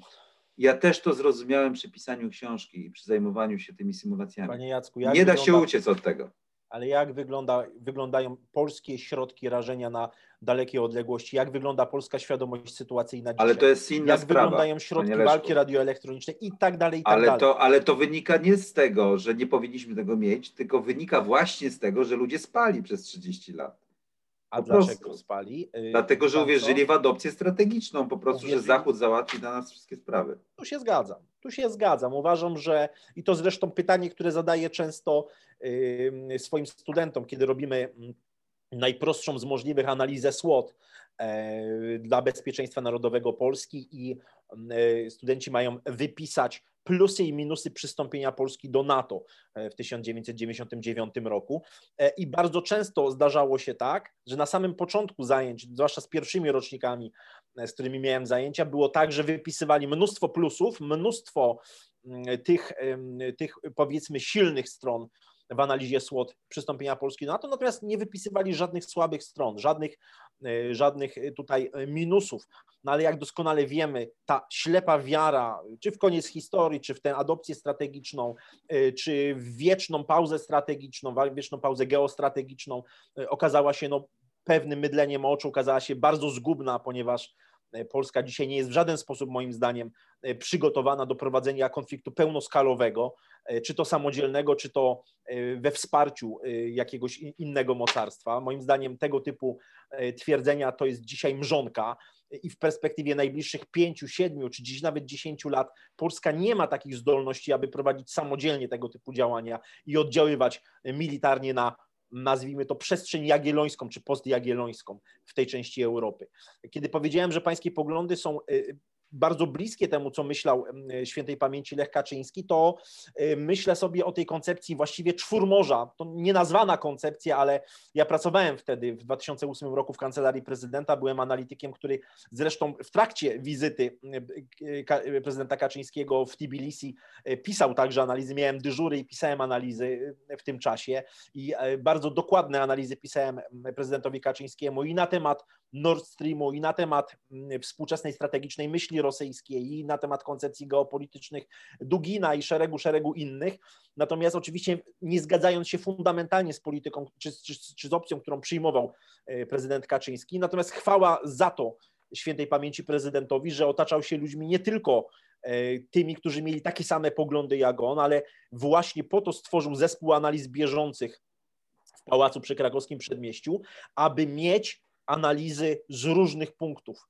E, I to było bardzo ważne, znaczy też nie dowierzał analizom na przykład Ośrodka Studiów Wschodnich, czy PISM-u, czy, czy szeregu innych e, instytucji państwowych, które przesyłały te analizy do, do pałacu, ale chciał mieć spojrzenie z różnych, z różnych perspektyw. Ta polityka to było myślenie w kategoriach jagiellońskich, to było myślenie w kategoriach Wielkiej Rzeczpospolitej, w kategorii niespełnionej, czy też może za, za wcześnie spełnio, zbyt późno spełnionej Unii Hadziackiej, tak? E, czyli właściwie Rzeczpospolitej Trojga Narodów. Koncepcja czwórmorza, o której mówię, to rozszerzona koncepcja ABC jeszcze o Morze Kaspijskie, o węglowodory chociażby z Turkmenistanu. No kto dzisiaj pamięta, że, że w tamtym czasie otwierano ambasadę polską e, w, w i, i te kontakty liczono na bardzo szerokie ożywienie tych kontaktów, nie tylko przecież z krajami południowego Kaukazu, ale także Azji Środkowej. Natomiast moim zdaniem to myślenie dzisiaj, na dzisiejszy ośrodek siły, na dzisiejsze państwo polskie przez pryzmat Polski Jagiellońskiej, przez pryzmat Polski królów elekcyjnych, przez pryzmat XVI, XVII czy XVIII wieku, jest moim zdaniem kompletnym nieporozumieniem. Znaczy, Polska po y, układach poczdamskich, a wcześniej oczywiście po Jałcie, y, jest krajem, który ma, powiedziałbym, najbliższe ideałowi granice w stosunku do koncepcji Wojciechowskiego, w stosunku do koncepcji później Piskozuba, E, do koncepcji e, tego, co byśmy powiedzieli, wkomponowaniem państwa polskiego w, zachodnim, e, w zachodni model kulturowo-cywilizacyjny i w, zachodnią, mm, w zachodni krąg wpływów geopolitycznych. To znaczy, chcąc, nie chcąc, Polska została, została skurczona o nizinę wschodnioeuropejską. No nie liczę oczywiście tych skrawków, które posiadamy na wschodzie. W ten sposób tak naprawdę amputowano politykę imperialną państwa polskiego. Imputowano, e, im, amputowano i politykę imperialną, czy te pewne ambicje imperialne państwa polskiego. Można oczywiście mieć sentyment, ogromny sentyment do Polski szlacheckiej, do Polski mocarstwowej, kiedy patrzymy na, na mapę i patrzymy na rozejm w Dywilinie i e, na pierwszą połowę XVII wieku i na blisko milion kilometrów kwadratowych, no tak, to robi wrażenie na mapie, to oddziałuje na emocje. Niewątpliwie sztuką rządzenia Polakami jest wpływanie na odpowiednie nastroje, doskonale to rozumie między innymi George Friedman, kiedy mówi o Polsce jako mocarstwie. To bardzo miłe, no i zresztą pan, pan też to wykorzystuje w, swojej, w, swoich, w swoich wykładach i, i widać, że dociera pan, że jest pan w stanie oddziaływać na sferę mentalną, na noosferę polskiego społeczeństwa, bardzo skutecznie odwołując się do tych sentymentów mocarstwowych państwa polskiego. Natomiast moim zdaniem dzisiaj e, Polska nie posiadając, nie będąc osadzona na nizinie wschodnioeuropejskiej i tak naprawdę nie posiadając żadnego potencjału, poczynając od kultury strategicznej, której ja uważam jako zaczyn w ogóle jakiegokolwiek potencjału geopolitycznego, y, przyjmując tego typu strategię, którą Pan proponuje, no zmierza moim zdaniem ku przepaści. Zmierza moim zdaniem ku przepaści. I jeszcze jedna rzecz. Pan patrzy na Federację Rosyjską, na siłę Federacji Rosyjskiej przez pryzmat siły militarnej. I to pojawia się u Pana bardzo często w wykładach. I, e, i, I tu się bardzo różnimy. I tu się bardzo różnimy, ponieważ ja nie uważam i nigdy nie uważałem sił, sił zbrojnych Federacji Rosyjskiej jako głównego czynnika potęgotwórczego rosyjskiego ośrodka siły. To jest bardzo ważna różnica między nami. I chciałbym, żeby to tutaj zabrzmiało bardzo, wybrzmiało bardzo mocno. Dobrze, panie Leszku, żebym miał szansę, bo tyle znowu wątków, dobrze? Bo to mi się wydaje, że nabrało. Ale no powiem, co, co uważam za ten główny czynnik potęgotwórczy y, rosyjskiego ośrodka siły. Odwołuję się do Włodzimierza Bączkowskiego, do roku 1938, do czasopisma Wschód Orient e, i do y, jego fundamentalnego, moim zdaniem, artykułu, który, bez którego trudno zrozumieć Rosję, a mianowicie uwagi o istocie siły rosyjskiej. Znaczy, w mojej percepcji, w tym jak ja rozumiem Rosję, fundamentem siły, potęgi państwa rosyjskiego od czasu Iwana IV Groźnego są tajne służby i zdolność do głębokiej akcji dywersyjnej, nacechowanej treściami politycznymi, ideologicznymi, wszelkimi innymi. Natomiast armia rosyjska jest zawsze, tak naprawdę, zawsze była drugoplanowym czynnikiem mm, tego, tego państwa. Kultura strategiczna rosyjska, kultura strategiczna wzmocniona o tajne służby, powiedzielibyśmy współczesnym językiem i y, autorytarne rządy, y, tutaj z kolei bym użył pojęcia cywilizacji turańskiej y, Feliksa Konecznego, to jest istota siły rosyjskiej. Czyli cywilizacja turańska, silny aparat państwowy, silny aparat bezpieczeństwa, zdolność do dywersji na zewnątrz, to jest istota. Tak naprawdę, jeżeli patrzymy, zobaczymy na ekspandowanie Rosji na przestrzeni dziejów od XV wieku, to zobaczymy, że Rosja y, nie, jeżeli wygrywała, to nie mierzyła się nigdy z silnym przeciwnikiem. Zawsze był to przeciwnik bardzo mocno osłabiony. Zawsze bardzo mocno osłabiony. Bardzo często działaniami dyplomatycznymi, działaniami tajnych służb rosyjskich. Funda doskonałym przykładem jest oczywiście XVIII wiek, druga połowa i y, upadek I Rzeczpospolitej. Dobrze, no podoba mi się, bo się robi naprawdę żywo.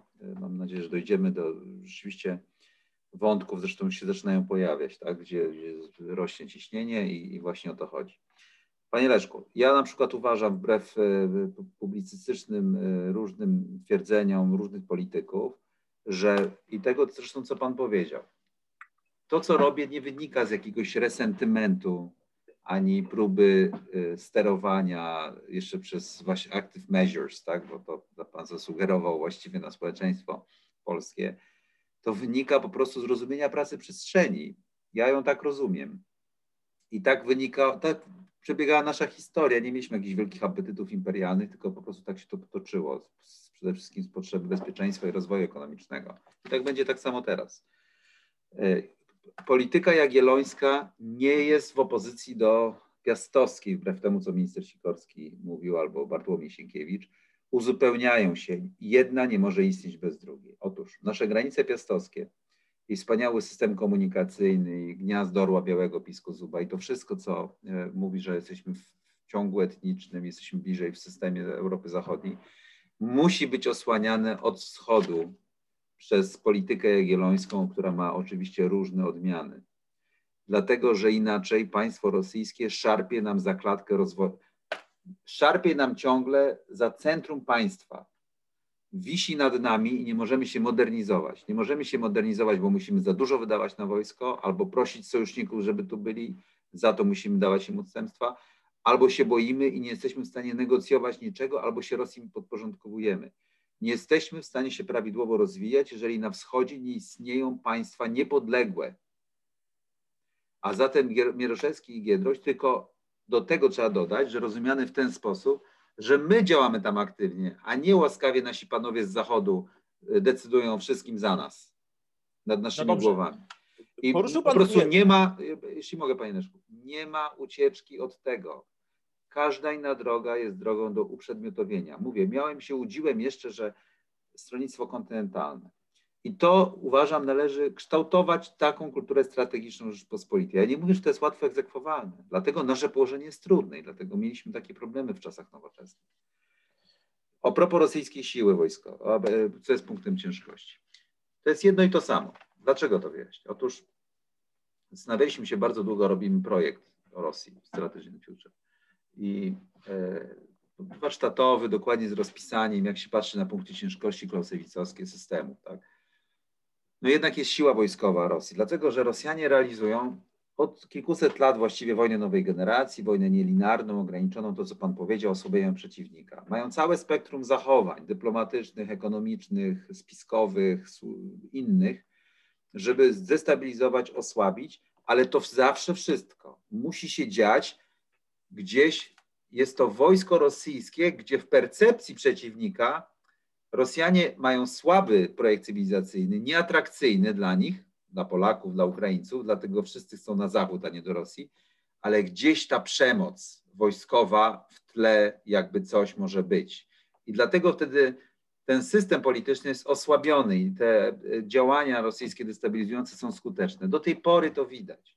I chodzi o to, żeby to, trzeba to złamać.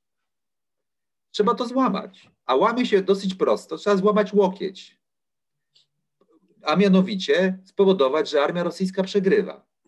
I to wbrew pozorom nie jest wcale takie trudne, bo żeby armia rosyjska przegrała, nie trzeba mieć broni wodorowej, tylko trzeba w drabinie eskalacyjnej, która ma nie wiem, 60 stopni, kontrolować przynajmniej kilka, albo zachwiać rosyjskim przekonaniem, że mogą kontrolować wszystkie i wtedy nie przystąpią do, nawet do tej gry, albo raz przegrają na jednym szczeblu i będą już negocjować.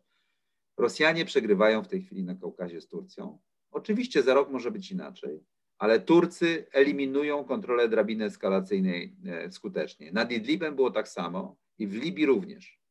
Na tym polega, a Turcja nie ma broni atomowej, PKB ma niewiele większe od Polski i sobie doskonale radzi nie ma wcale takiego e, trudności, żeby się z tym zmierzyć. Panie Jacku, bo zaczynamy wchodzić na pewne bardzo y, takie, powiedziałbym, abstrakcyjne, mm, abstrakcyjne mm, pojęcia i abstrakcyjne kwestie. Ja bym się, przy, ja bym się jednak trzymał ziemi i, i bardziej realizmu. Ale to jest bardzo, ale to jest bardzo realistyczne, panie Leszku, Rozumiem, ale na tym polega wojna. Doktryny, panie Leszku, jeśli doktryny... tylko mogę, jeśli tylko mogę. Wojna polega na drabinie eskalacyjnej, na ja zarządzaniu rozumiem. drabiną eskalacyjną. I wojna się toczy. Wojna się toczy. Rosjanie chcą odzyskać zachodnie limitrofy. My jesteśmy na ich drodze. Dla państwa rosyjskiego, czy dla rosyjskich elit decyzyjnych nie było zakończenia zimnej wojny. Myślę, że tu się, tu się zgodzimy. Ja rozmawiając z wieloma różnymi mm, analitykami, e, dyplomatami, dziennikarzami, akademikami rosyjskimi, e, mam nieodparte wrażenie, wręcz graniczące z przekonaniem, że dla rosyjskich elit intelektualnych, decyzyjnych zimna wojna się nigdy nie zakończyła, to cały, cały czas mamy, mamy do czynienia. E, natomiast, e, żeby nie skakać teraz w tym momencie bardzo po, po tematach, chciałbym się zatrzymać na chwilę od tego, e, na czym, od czego Pan wyszedł przy początku tego wątku, mianowicie doktryna Giedroycia Mieroszewskiego. Myślę, że ta doktryna, a właściwie jej fałszywe rozumienie, zrobiła bardzo wiele złego w polskiej polityce zagranicznej, zrobiła bardzo duże spustoszenie w myśleniu o stosunkach międzynarodowych w Polsce, w myśleniu o polskiej polityce zagranicznej i e, wreszcie oczywiście o polskiej polityce wschodniej. Została ona zwulgaryzowana przez otoczenie, moim zdaniem, Aleksandra Kwaśniewskiego, dlatego ja bardzo często mówię o tym, że od 1995 roku w polskiej polityce wschodniej, e, a przynajmniej w tych strzępach tej polityki, która, która istnieje, mamy do czynienia z doktryną Kwaśniewskiego. Zwulgaryzowanie doktryny Mieroszewskiego-Giedroycia, czyli stwierdzenie, że nie ma niepodległej Polski bez niepodległej Ukrainy. Natomiast e, warto sięgnąć do źródeł, warto sięgnąć do pism Giedroycia i Mieroszewskiego. Jeżeli ktoś nie ma czasu, chęci czytać ich po prostu tekstów źródłowych, warto sięgnąć do dobrych opracowań. I niewątpliwie takim jednym z najlepszych opracowań, które ja znam osobiście, to, to książka, monografia autorstwa y, doktora Michała Siudaka e, z Katedry Ukrainoznawstwa Uniwersytetu Jagiellońskiego. Doktor Siudak jest tłumaczem przysięgłym języka ukraińskiego, zajmuje się e, i geopolityką ukraińską, i ukraińską myślą geopolityczną, strategiczną, i relacjami polsko-ukraińskimi. Napisał, e, jego praca doktorska jest poświęcona doktrynie Giedroycia. Mam nadzieję, że jeśli nie w tym, to w pierwszej połowie przyszłego roku ukaże się wznowienie, zaktualizowanie, gdzie Siudak dokładnie pokazuje, że Giedroyciowi tak naprawdę nie chodziło o stworzenie niepodległych państw ULB, Ukraina, Litwa, Białoruś za wszelką cenę, a już na pewno nie stworzenie mocarstwa ukraińskiego, mocarstwa białoruskiego czy mocarstwa litewskiego, które byłyby potencjalną konkurencją dla dla państwa polskiego, wręcz odwrotnie. Chodziło o stworzenie państw buforowych, czyli naszego limitrofu, wschodniego limitrofu dla państwa polskiego. Oczywiście to jest, to jest moje określenie, wschodni limitrof dla państwa polskiego, e, które byłyby buforem przeciwko Rosji. Natomiast, co jest bardzo istotne i co Siudak doskonale pokazał moim zdaniem, Giedroć, dos Giedroć świetnie pokazywał, że jeżeli będziemy mieli do czynienia ze wzrostem nastrojów nacjonalistycznych, czy z budowaniem tożsamości narodowej ukraińskiej, białoruskiej, litewskiej w opozycji do państwa polskiego, to należy wówczas pomyśleć nad y, taktycznym sojuszem z rosyjskim ośrodkiem siły. I druga sprawa, pan powiedział o rewizji w, w którymś y, z artykułów i z którymś z wypowiedzi publicznych o potrzebie rewizji doktryny Mieroszewskiego. I teraz e, bardzo ważne, żebyśmy zrozumieli, że doktryna, to co Mieroszewski pisał w paryskiej kulturze między innymi, e, miało znacznie szerszy kontekst. Znaczy, tutaj absolutnie możemy mówić, to jest myślenie geopolityczne par excellence, jeśli chodzi o twórczość Mieroszewskiego. To absolutny kanon polskiej myśli geopolitycznej, ponieważ Mieroszewski myślał w kategoriach wielkich przestrzeni, w kategorii, uważał wręcz z jego pism wynika, że przyszłość należy do wielkich przestrzeni. I ta federacja środkowo-wschodnioeuropejska, którą kreślił na łamach swoich pism, była częścią zdecydowanie większej układanki.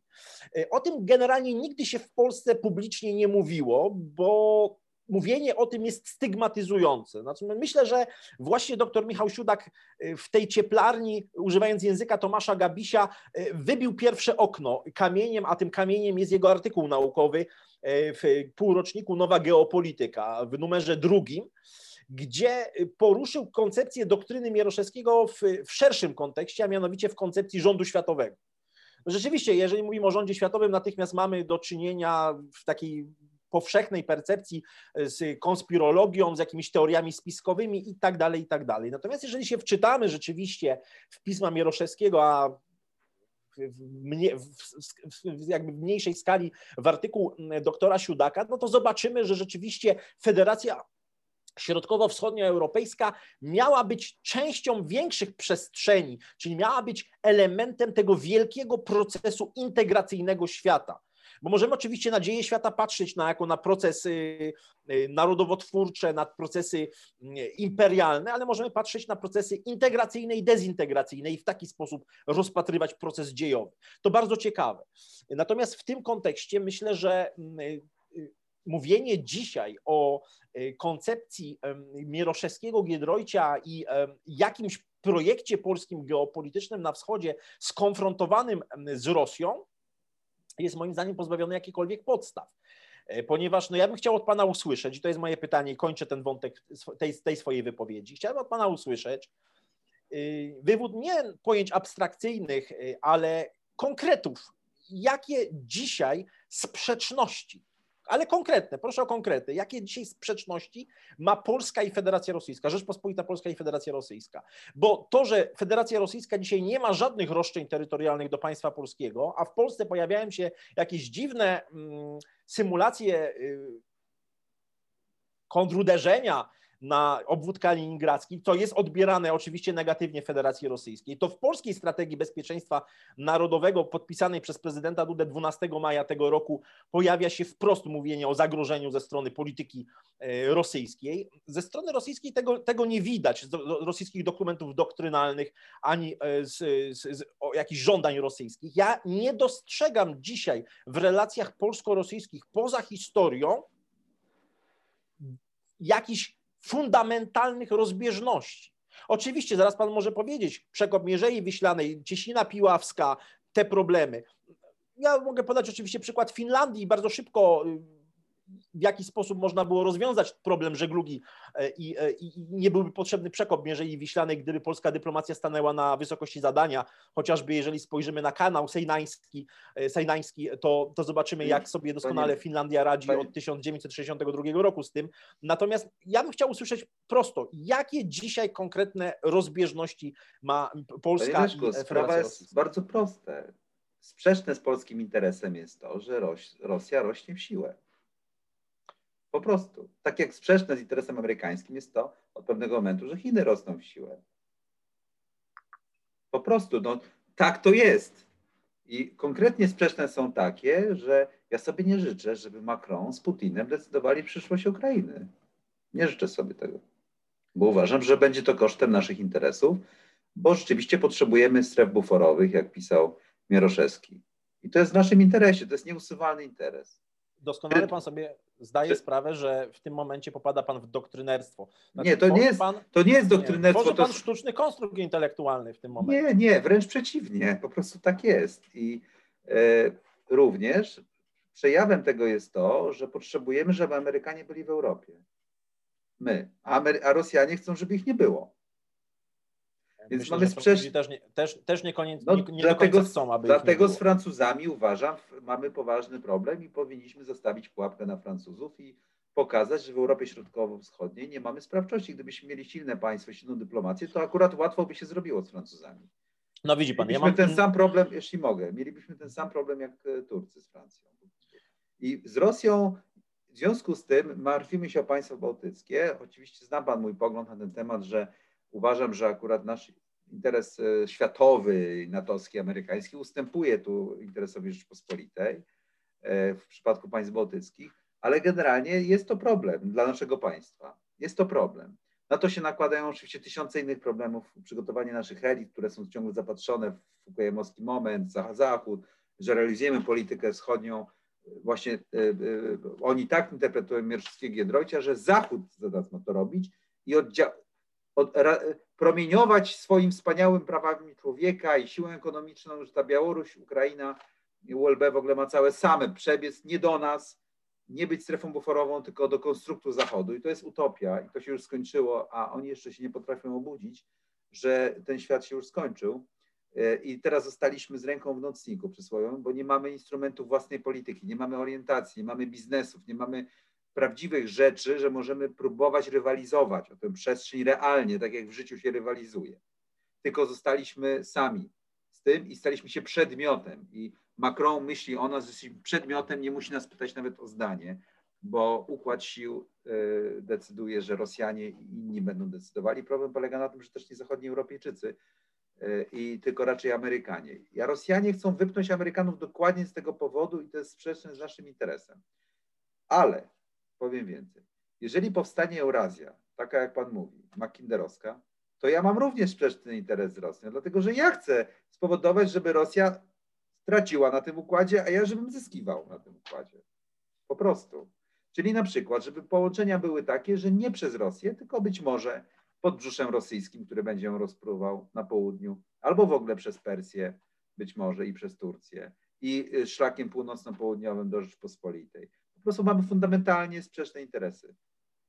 Każdy nie, ma prawie nie mogę, się, nie mogę się z Panem zgodzić, natomiast uważam, że y, to, co Pan proponuje, jest, jest po prostu pewną, pewnym konstruktem intelektualnym, pewną doktryną, która y, nie jest oparta na interesach gospodarczych państwa polskiego. Ja uważam, że ja traktuję wakaryzm y, i tę drogę geopolityczną jako przede wszystkim budowę siły geoekonomicznej, to znaczy rezygnację z polskiego projektu imperialnego. Tak, to, co ja proponuję. Ale to, panie Leszku, to, to nie jest znaczy, projekt imperialny. Ale spokojnie. Ale poza ja... tym można handlować z Rosjanami, tylko chodzi o to, żeby nie oni ustalali zasady, na jakich to robimy. No, wie pan, y, będę kontynuował. Uważam, że rezygnacja z polskiego projektu imperialnego jest warunkiem sine qua non budowy potęgi geoekonomicznej państwa polskiego. Istota wakaryzmu i wprzęgnięcia dzisiaj Polski w projekt pasa i drogi, w projekt jednego pasa, jednej drogi, w projekt bursztynowego szlaku, rozumianego jako projekt geoekonomiczny, i stworzenia z Polski stworzenia geoekonomicznego, tak aby przesmyk polski, przesmyk bałtycko-karpacki był właśnie pivotalnym, ale w znaczeniu geoekonomicznym e, ośrodkiem generującym kapitał, generującym ruch w tej części, w tej części Europy e, to jest warunek sine qua non, warunek konieczny, rezygnacja z polskiego projektu, Wręcz, e, projektu imperialnego. Leszku, jeśli mogę. Nie przy... Wręcz przeciwnie. I ja doświadczyłem to na własnej skórze. Otóż, bo Niemcy właśnie bez współpracy, czy nawet no, buforowości Ukrainy, Białorusi i generalnie nie używania całej tej przestrzeni do polskich interesów, Niemcy decydują o tym, jaką rolę pełnimy na pasie i szlaku. I to jest, proszę mi wierzyć, praktyczna wiedza z bycia prezesem CPK, a Amerykanie zawsze nas podejrzewają i zawsze tracimy. Po prostu musimy spiąć przestrzeń całą na osi północ-południe i na Ukrainę i Białoruś, aż do Rumunii na Morze Czarne, bo inaczej nie jesteśmy podmiotem. Chiny nas nie traktują jako podmiot. Rosjanie rozmawiają ponad naszymi głowami, ignorując nas całkowicie, yy, uważając, że tylko przeszkadzamy nie da się realizować polskich interesów geoekonomicznych, uciec z pułapki peryferyjności bez sprzęgnięcia całego, całego regionu i zmienienia jego statusu. To jest bardzo trudne zadanie, nieosiągalne pewnie, ale niestety na tym polega tragedia naszego położenia geopolitycznego. Pan sobie, znaczy, może, może inaczej jeszcze. Rosjanie nie rozmawiają dzisiaj z Polakami. Rzeczywiście, jeżeli się w Moskwie porozmawia z ludźmi, którzy są zbliżeni do kręgu władzy, może w ten sposób, to bardzo często można usłyszeć, ja to bardzo często też powtarzam, że w Polsce nie ma z kim rozmawiać. E, I, i moim zdaniem oczywiście grzechem pierworodnym III Rzeczpospolitej i wielokrotnie to powtarzałem i powtórzę to także w naszej rozmowie, jest y, brak stworzenia od podstaw elit państwa polskiego i brak stworzenia od podstaw kultury strategicznej. 30 lat przespaliśmy w tym zakresie. Jeszcze raz podkreślę, że istotą siły rosyjskiej jest rosyjska kultura strategiczna. Y, rozumiana bardzo szeroko, przekrojowo w znaczeniu i struktur poziomych, i struktur pionowych państwa, ale także, także dywidenda geograficzna, jaką to państwo ma. Wielokrotnie, mm, wielokrotnie na polu y, bitwy, na polu y, w różnych wojnach to geografia ratowała żołnierza rosyjskiego. Nie żołnierz rosyjski bronił, bronił przestrzeni, ale to przestrzeń broniła żołnierza rosyjskiego. Daleko nie trzeba szukać, tak? 1812 czy 1941. Natomiast ta dywidenda geograficzna moim zdaniem będzie działała na korzyść Federacji Rosyjskiej w najbliższych e, latach, w najbliższej dekadzie. Ma to związek oczywiście z czynnikami dynamicznymi geograficznymi, takimi jak ocieplenie klimatu, które obiektywnie jest faktem, widać to po Arktyce, widać to po chińskim projekcie polarnego jedwabnego szlaku od 2015 roku. I na tym Rosja będzie zyskiwała i dzisiaj już zyskuje. Natomiast ten grzech pierworodny, E, moim zdaniem bardzo dobrze został pokazany, nieco tak w pigułce, w soczewce, e, przez redaktora Piotra Wojciechowskiego w IPN TV. Polecam, bardzo ciekawy kanał Instytutu Pamięci Narodowej mm, na YouTubie, gdzie w rozmowie historyków, którzy zajmowali się, e, zajmują się polskimi służbami specjalnymi, a konkretnie no w, tym, w, tam, w tym konkretnym przypadku PRL-owskimi służbami specjalnymi, pokazali dokładnie mechanizm, pokazali dokładnie mechanizm no, przejmowania polskiego wywiadu, mówię o Departamencie Pierwszym MSW przez Amerykanów, przez CIA. I to głębokie uzależnienie wywiadowcze, mówię wprost o tym, głębokie uzależnienie struktur siłowych państwa polskiego od Stanów Zjednoczonych, bardzo głębokie uzależnienie kapitałowe, y, bardzo duże uzależnienie infosfery od, y, od Amerykanów dzisiaj, tak naprawdę nie daje nam żadnych, żadnego pola manewru. I jeżeli ja mówię o polityce wielowektorowej, to mam na myśli nie przecież wychodzenie z Sojuszu Północnoatlantyckiego, co byłoby absurdem, samobójstwem wręcz dzisiaj, chociaż ja szczerze powiedziawszy nie wierzę y, w działanie artykułu 5.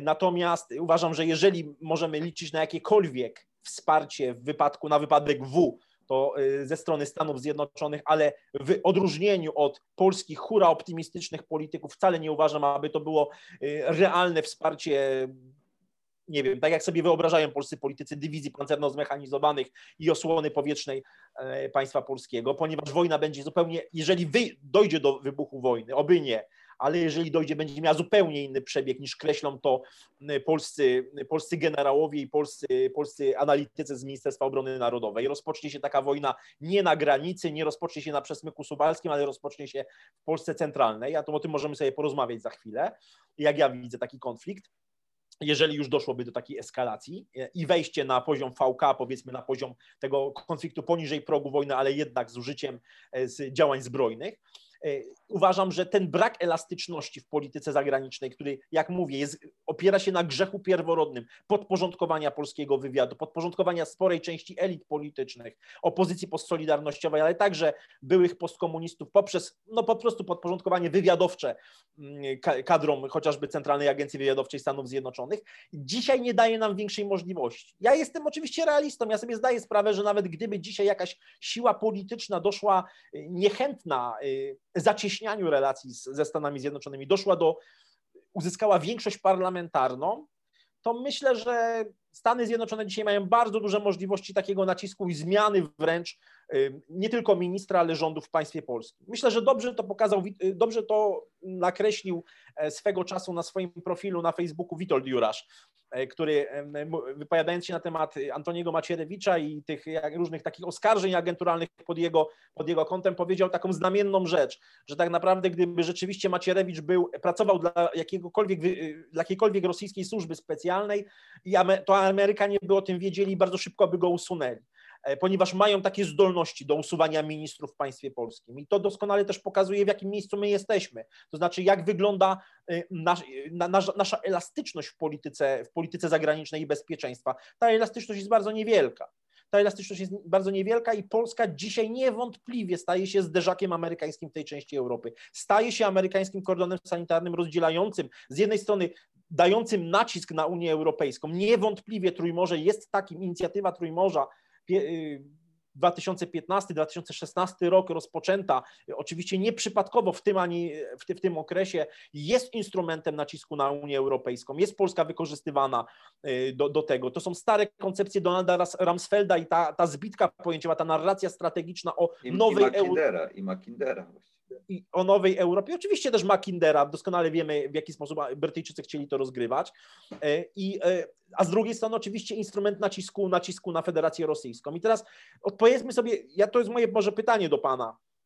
E, odpowiedzmy sobie na proste pytanie, czy dzisiaj Federacja Rosyjska jest, jest absolutnie strategicznym przeciwnikiem Stanów Zjednoczonych, czy odwrócony manewr Nixona, odwrócenie tego, tego procesu, który zachodził powiedzmy w stosunkach amerykańsko-chińskich w latach 1972-79, to powiedzmy do Cartera, Y, zahaczamy i, prawda, o, o, o tę woltę, którą później Chińczycy, Chińczycy dokonali. No oczywiście nie, nie, to nie była tylko wola Cartera czy Nixona, ale także kilku marszałków chińskich i, e, i oczywiście y, y, biura politycznego KC, KPH.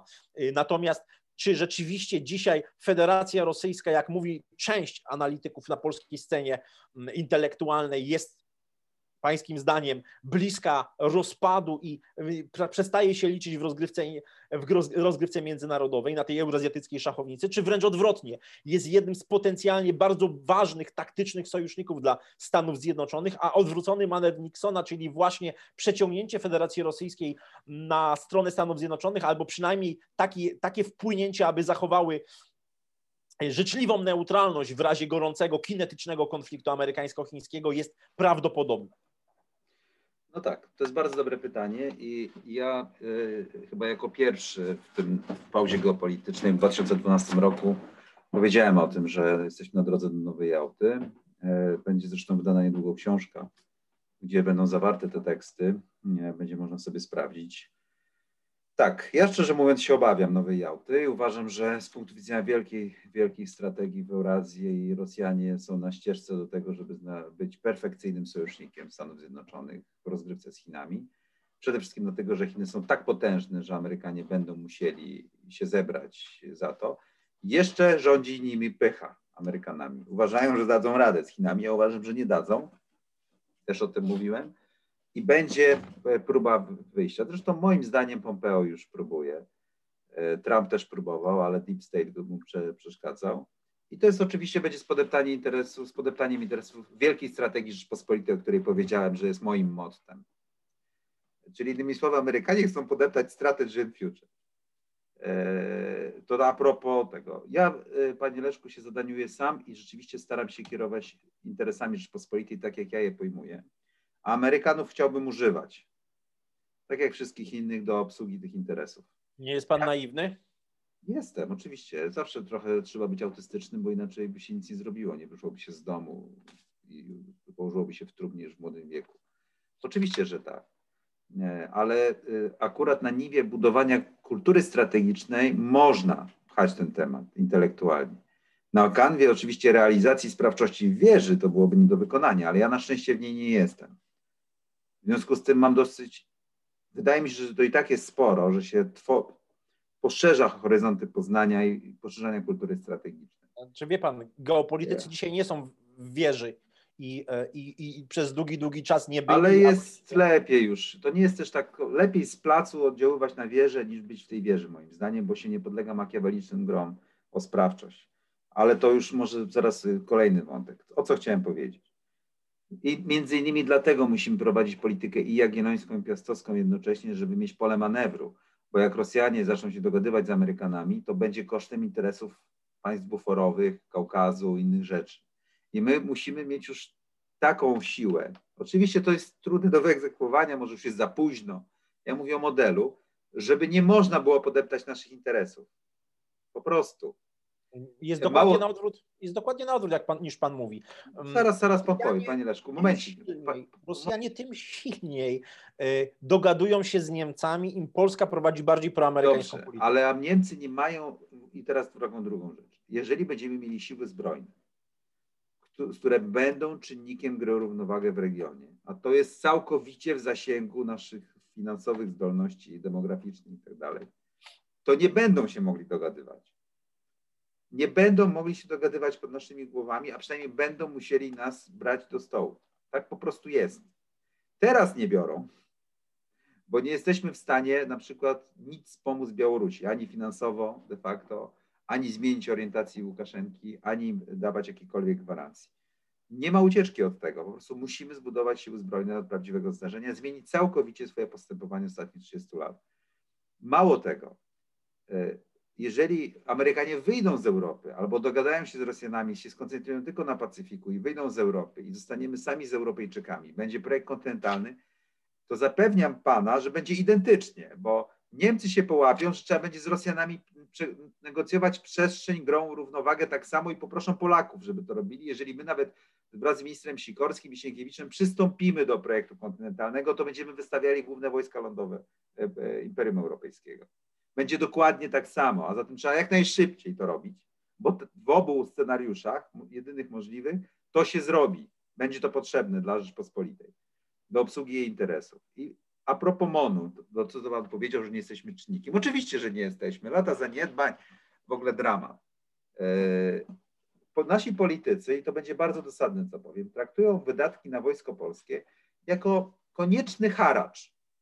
2%, żeby im dać święty spokój, żeby ten organizm społeczno-polityczny, który wypłaca pensję, funkcjonował, żeby co jakiś czas mogli się pochwalić i zarządzać emocjami ludzkimi, że coś kupili, najlepiej od Amerykanów, ale generalnie płacą tylko te 2%, nie po to, żeby to był instrument prawdziwej polityki według definicji Clausewitza, żeby był gry, żeby do czegoś służył realnie, tylko żeby mogli mieć legitymację do tego, że zadzwonią do Waszyngtonu w godzinie próby i poproszą, zróbcie coś, zadzwońcie do Moskwy albo coś zróbcie z tym.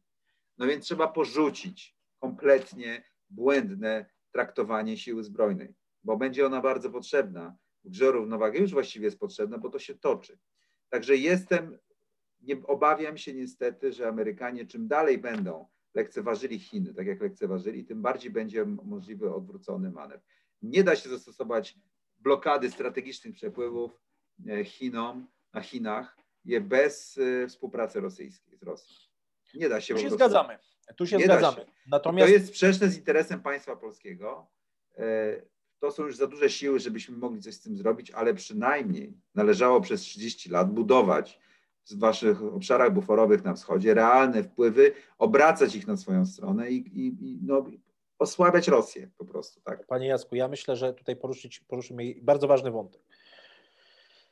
Pamiętam, jak Zbigniew Brzeziński leciał do Moskwy w trakcie, w czasach administracji Baracka Obamy i proponował Rosji e, projekt G2, czyli właśnie e, odwrócony manewr Nixona. Było to sądowanie oczywiście, to nie był konkretny, to nie była koncepcja geopolityczna w rozumieniu makinderowskim, czy, czy machanowskim, czy, czy, czy haushoferowskim, natomiast był to niewątpliwie, było to sądowanie. I no i jak, Brześ, Brześ, przepraszam, Brzeziński naprawdę miał umysł ukształtowany i wyrzeźbiony przez Makindera, e, Machana i tak dalej. Mówił nawet tymi frazami. Mówił, klasyczną więc, geopolityką. Więc tak. Podejrzewam, że dokładnie myślał sobie, jak leciał samolotem, no i później do Pekinu, jak leciał, też myślał tak. Oczywiście, że tak. Natomiast ja, ja pamiętam swoją wymianę e, mailową akurat e, z, z profesorem Brzezińskim i już niedługo, zresztą przed śmiercią, mm, kiedy pisał do mnie, ja chyba byłem wtedy prezesem Polskiego Towarzystwa Geopolitycznego i korespondowaliśmy i podkreślał wagę to tak na marginesie, zupełnie taka dygresja, podkreślał wagę tego, żeby w Polsce mm, geopolityka i geostrategia się rozwijała, żeby kształtowała kulturę strategiczną. Ale to tak zupełnie na, na marginesie.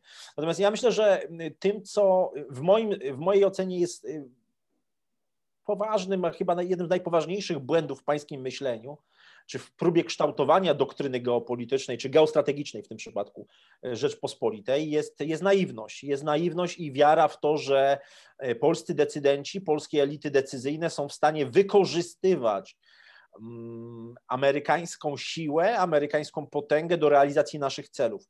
Myślę, że pan zdecydowanie po pierwsze przecenia y, no dobrze, ale pan mówi teraz o, so, o software'ze, a nie o hardware'ze. Ja opisuję model. Tak. Tak. Ja, no, przepraszam, od czegoś musimy zacząć w budowaniu kultury strategicznej. Przestrzeń wymusza określoną percepcję, tak? A teraz, żebyśmy znaleźli ludzi, których będziemy umieli wychować, żeby umieli dźwignąć wymogi tej przestrzeni, ale to jest inna sprawa i między innymi dlatego ale nas to jest horyzont, to jest horyzont pokolenia, o czym pan mówi. No ale dobrze, no ja lubię bardzo... pokolenia. Ja lubię długą grę. Sytuacja, Jasne, ale w tym, my mówimy teraz, tu i teraz w perspektywie krótkookresowej, ponieważ dynamika sytuacji międzynarodowej jest ogromna. Dynamika jest ogromna. Grozi nam tak. wielka wojna na Bliskim Wschodzie, która całkowicie by zmieniła tak naprawdę układ sił międzynarodowy i przebudowałaby, przemodelowałaby architekturę bezpieczeństwa międzynarodowego. Panie Leszku, przede wszystkim grozi nam wojna na Pacyfiku, ale największa od II tak. wojny światowej. Ale Naprawdę tak. jesteśmy o krok od niej. Natomiast kwestia proxy war między Chinami a Stanami Zjednoczonymi na Bliskim Wschodzie jest moim zdaniem również bardzo, ale to bardzo prawdopodobna. E, I e, mówiąc oczywiście o y, kwestii odwróconego manewru Nixona, no nie mogę nie, nie przywołać y, kwestii e, praktycznego wykorzystywania tego, o czym Pan mówi, czyli lewarowania naszej pozycji dzięki e, ży, żyrantowi. Tak? Ży, żyrują naszą politykę wschodnią od, od co najmniej 20 lat Stany Zjednoczone. E, dzisiaj mamy oczywiście wielką debatę wśród polskich elit decyzyjnych, polskich elit intelektualnych głównego nurtu, w jaki sposób powstrzymać Nord Stream 2. Natomiast ja doskonale pamiętam debatę w 2006, w 2007, 2008 roku, w 2006 roku ja rozpoczynałem swoją pracę w kancelarii prezydenta i pisałem zresztą analizy y, prezydentowi Kaczyńskiemu y, w tym zakresie i pamiętam tę debatę, w jaki sposób powstrzymać Nord Stream.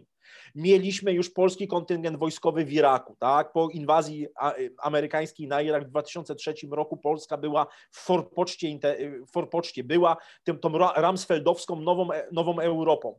W latach 2002-2005 mieliśmy tajne więzienia CIA w Europie Środkowo-Wschodniej, na pomoście bałtycko-czarnomorskim, w, w Polsce i w Rumunii, przynajmniej to, co, to, o czym wiemy i co zostało udowodnione. Czyli Polska miała pozycję polskie struktury siłowe, polska dyplomacja, y, polski wywiad miał przełożenie na amerykańskiego sojusznika. Moim zdaniem o wiele większe przełożenie niż ma dzisiaj. W związku z czym nie udało się tego zrobić. 2009 rok pokazał, jak wielką mrzonką jest tak naprawdę próba wykorzystywania Stanów Zjednoczonych do lewarowania naszej pozycji wobec Rosji. Amerykanie wykorzystują nas absolutnie Ale panie Leszku, ale to ja, ja się z tym zgadzam, ale to nie wynika ze słabości państwa polskiego, tylko ze słabości software'u, polityków państwa polskiego, brak ich solidarności, naprawdę mówię, wiem co mówię, brak ich solidarności i tego, że po prostu obce mocarstwa rozgrywają ich ambicje, konkretnych polityków. Natomiast to, nie, natomiast to nie wynika z obiektywnej słabości PKB, słabego położenia geopolitycznego i tak dalej. Po prostu Proszę zwrócić uwagę, ile Izrael wyciska. Izrael ma znacznie mniejsze PKB niż Polska. No ile Izrael wyciska? Ale ile dobrze, no, Turcja? No, no właśnie, no, jasne, elity, nie... elity, ale nie hardware. Czyli Wie pan, dlatego... Software musimy poprawić, ale hardware wymusza dla nas takie... Okej, okay, dobra. Ja doskonale rozumiem, o co panu chodzi, kiedy używa pan tych skrótów myślowych i e, takich ikon dla współczesnej, dla współczesnej, dla generacji Z można powiedzieć, e, czyli hardware'u i software'u. Ja doskonale rozumiem, o czym Pan mówi, ale przekładając na język geopolityki, można sformułować konkretne pytanie. Co jest czynnikiem potęgotwórczym? Co decyduje o pozycji międzynarodowej danego ośrodka siły, mówiąc językiem geopolityki? I teraz oczywiście każdy dzisiaj może powiedzieć, że tam PKB na mieszkańca w Rosji jest takie, jak w krajach o wiele, o wiele mniejszych, że Rosja się dzisiaj przez to nie liczy. Że dzisiaj w Indie mają miliard 384 miliony ludności, Chiny już miliard 439 milionów i tak naprawdę przy tym to Rosja jest karłem. Stany Zjednoczone mają ponad 330 milionów ludności. Dobrze, ale doskonale i pan, i ja, i myślę, że spora część naszych widzów doskonale wiedzą, że w historii o pozycji y, w, archi- w międzynarodowej architekturze bezpieczeństwa danego państwa, czy też związku państw, nie decydował pojedynczy czynnik, czyli nie decydowała liczba ludności, nie decydował mm, PKB. Y, mamy tutaj zestaw elementów i dlatego ja tak krytykuję model profesora Mirosława Słupka, model potęgometryczny. No, profesor Słupek jest, e, można powiedzieć, takim prekursorem potęgometrii w Polsce. Uważam, że takie proste zestawienie, nawet przy użyciu wag, liczby ludności, PKB i terytorium nie daje odpowiedzi na to, co jest dzisiaj siłą danego państwa. No bo rzeczywiście 9-milionowy Izrael na tak niewielkim terytorium jego waga y, w międzynarodowych stosunkach y, politycznych, międzynarodowych stosunkach gospodarczych jest nieporównywalnie wyższa niż 17-milionowej Holandii. Tak? Jeżeli spojrzymy na Chiny, no to spójrzmy na rok 1900, na ten przełom 1900-1901, przełom, przełom XIX-XX wieku. Chiny liczyły około 400 milionów ludzi, czyli mniej więcej bardzo podobnie co cała Europa. Tak? Rosja liczyła wówczas 135 milionów ludzi. Natomiast dlaczego w, w pierwszej połowie XV wieku Chiny, posiadając największą flotę wojenną na świecie, dominując demograficznie na świecie, dominując tak naprawdę technologicznie, nie skolonizowały Afryki, nie skolonizowały Bliskiego Wschodu. To jest no, fundamentalne to, pytanie. Znaczy, to, to dotyka Pan kwestii różnicy między geopolityką a geostrategią, bo geopolityka jest pewną obiektywną rzeczywistością, tylko ją bardzo trudno odczytać, prawda? I te punkty siły, gdybyśmy umieli dobrze je odczytać, to byśmy skorzystali, byśmy zawsze wygrywali albo zyskiwali. I, a geostrategia jest pewną już rozstrzygnięciem. I między geopolityką a geostrategią jest taka przestrzeń, mapy mentalne, służby, agenci, głupota, idioci, e, no po prostu, też cała szara strefa błędów ludzkich. Też właśnie tam Rosjanie oddziaływują y, właśnie e, no, tymi wszystkimi metodami swoimi, tak? Active measures. E, służby, dokładnie tam służby działają między tymi dwiema e, kategoriami. I na przykład tak, w tym się też mieści albo nie mieści projekt modernizacyjny. Jeżeli nie potrafią przywódcy z, ty, z tysiąca tych powodów odczytać właściwie zasad i podejmują złe decyzje, to się kończy upadkiem państwa Zas, Zasów i Króla Poniatowskiego i rozpa, rozpadem, brakiem projektu modernizacyjnego e, imperium handlowego e, arabskiego w średniowieczu, czy e, upadkiem Chin, prawda? Bo spalili flotę, a potem nie chcieli przyjąć, że trzeba się zmodernizować. Innymi słowy, historia świata to jest jeden wielki wyścig o modernizację technologiczną, ale społeczną czy organizacyjną, nowy sposób urządzenia społeczeństwa, kontraktu państwo-społeczeństwo, E, nowego procesu produkcji albo wytwórczości. Znaczy ja myślę, że tutaj jest też pewna, pewna zasadnicza różnica między nami. Jelity, przepraszam, jelity muszą umieć to robić. Po prostu. Wie pan co, jeżeli pan mówi o pewnej niezmiennej przestrzeni, i traktuje w ten sposób geopolitykę. Oczywiście, moim zdaniem, e, Zbigniew Brzeziński w Wielkiej Szachownicy bardzo e, plastycznie, bardzo sugestywnie i moim zdaniem poprawnie nakreślił różnicę między geopolityką a geostrategią. Natomiast e, z tego, co Pan powiedział teraz, wynika, że geopolityka jest tak naprawdę determinizmem, jest niezmienna przestrzeń. Natomiast nie, ja nie chodzi o przestrzeń, chodzi o punkty siły. One mogą być w kosmosie no, ale punkty siły wynikają z przestrzeni. E, Gry natomiast, o przestrzeń, tak. Natomiast przestrzeń w geopolityce wartościujemy, to znaczy ta sama przestrzeń w starożytności miała inne znaczenie niż tak, ma dzisiaj, co oczywiście wynika e, i z rozwoju technologicznego, i, e, z, i ze, ze zmienionej percepcji. No, spójrzmy na rolę, weźmy starożytną Grecję, weźmy Tukidydesa, weźmy no tak, wojnę peloponeską. Jakie oczywiste. dla Aten czy dla Sparty znaczenie miały zasoby litu czy kobaltu? No, śmiem no twierdzić, tak, żadne. Tak, oczywiście. Tak? Zupełnie inaczej niż dzisiaj, skoro w Boliwii, Boliwia wychodząc powiedzmy z amerykańskiej strefy, czy próbując wyjść z amerykańskiej strefy wpływów, a mając pokaźne zasoby litu, yy, no, stanowi duży problem dla polityki Stanów Zjednoczonych, mówiąc delikatnie. Jeżeli dzisiaj ekspandowanie Chińskiej Republiki Ludowej w, Azji, w Afryce, przepraszam, czyli no w Azji oczywiście też, ale w Afryce, czyli neokolonizacja gospodarcza, infrastrukturalna w znaczeniu właśnie connectivity, yy, ma swoje jasne znaczenie, ponieważ ta, ta przestrzeń jest inaczej wartościowana, inaczej wyglądają punkty aktywne, pasywne y, na świecie. Chociaż oczywiście Afryka tak, jest tak. traktowana Węgiel, jako hinterland ropa, od dawna. Tak, tak, oczywiście. I, to się, I to będzie ewoluowało, jeżeli rozwinie się, prędzej czy później rozwinie Kosmos. się górnictwo kosmiczne, tak, tak. rozwinie się eksploracja zasobów kosmicznych, co będzie związane nie tylko z rozwojem technologii. Już dzisiaj widzimy, jak, że, że pochodną eks, y, wyścigu zbrojeń w kosmosie jest broń hipersoniczna, ale to jest kwestia i, silni, i rozwój silników strumieniowych i szeregu innych kwestii.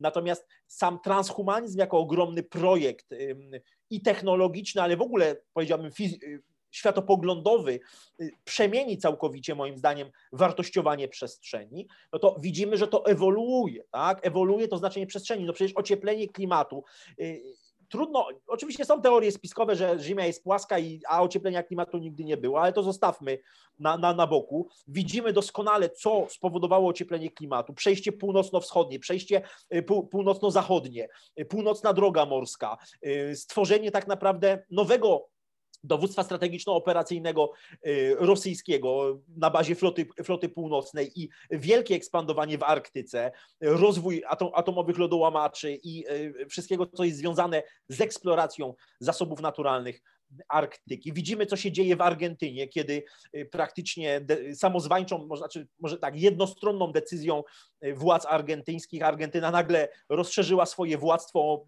prawie milion siedemset tysięcy kilometrów. Y, mam na myśli oczywiście Antarktykę i, widzimy tutaj zaczyn nowego wyścigu tak naprawdę i geopolityki polarnej. Polar geopolitics, bardzo popularny termin w zachodniej geopolityce i nowy tak naprawdę wyścig o, o, o biały kontynent. Widzimy doskonale, jak Chińczycy rozbudowują swoją flotę lodołamaczy i jak eksplorują zasoby nie tylko Arktyki, ale, ale, ale właśnie Antarktyki. No to widzimy, że wartościowanie przestrzeni jest niezwykle istotne. No tym się jako geopolitycy między innymi zajmujemy. No, patrzymy, w jaki sposób przestrzeń wpływa na procesy polityczne. I, I to nie jest tak, że za każdym razem jest tak samo. No, jak próbują powiedzieć krytycy geopolitycy, że jesteśmy deterministami. Absolutnie. Determinizm jest doktryną, która dawno, dawno przeminęła, tak jak teoria państwa organicznego w politologii, w naukach politycznych czy, czy, czy w socjologii społeczeństwa organicznego. Natomiast w tym kontekście moim zdaniem e, musimy uwzględniać te czynniki związane, związane z kulturą strategiczną. Dzisiaj się przygotowywać na te wyzwania. Oczywiście możemy sobie patrzeć, że możemy powiedzieć, tak jak Pan mówi, że pan potrzebujemy rację, sił zbrojnych. No, ma Pan rację, że... Panie Leszku, ale, ale generalnie chodzi o... Ma Pan rację, bo zmierza Pan do tego, żeby powiedzieć, że Polska po prostu nie ma elit i generalnie musimy y, dostosować naszą strategię do tego, że nie ma elit, bo jest za późno, żeby... Może. Ja tylko chcę powiedzieć, że ja robię nie w polityce i sprawczości, tylko w kształtowaniu kultury strategicznej. Ja jeszcze mógłbym bardzo dużo mówić, jak jestem rozczarowany A, B, C różnymi rzeczami, tak? Ale staram się opowiedzieć, jak modelowo powinno to wyglądać i chodzi o to, żeby software dogonił to. Okay? E, w języku angielskim jest takie ładne rozróżnienie na mm, decision making i decision shaping.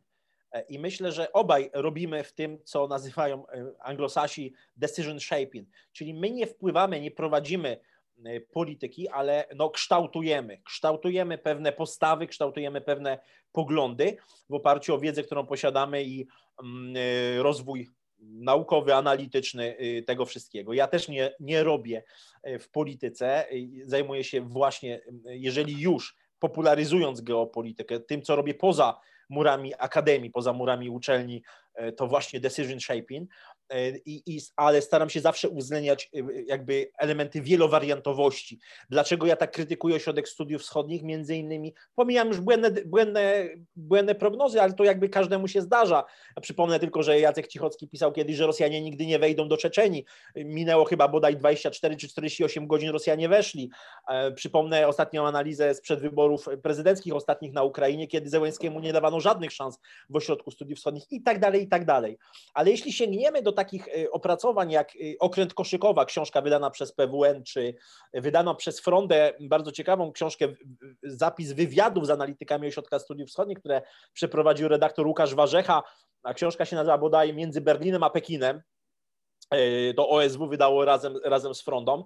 I tam jest bardzo ciekawy wywiad. Polecam i panu, i, e, i, i, naszym widzom do przeczytania z Olafem Osicą, ówczesnym dyrektorem Ośrodka Studiów Wschodnich. I e, to, co budzi mój taki głęboki sprzeciw, racjonalny sprzeciw, jako analityka, jako analityka ryzyka geopolitycznego, jako wykładowcy, to jest takie stwierdzenie, że metodyka pisania analiz, przygotowywania analiz przez Ośrodek Studiów Wschodnich zakłada zawsze pewną jedną prognozę i jednowariantowość, że nie starają się tworzyć różnych scenariuszy, różnych wariantów.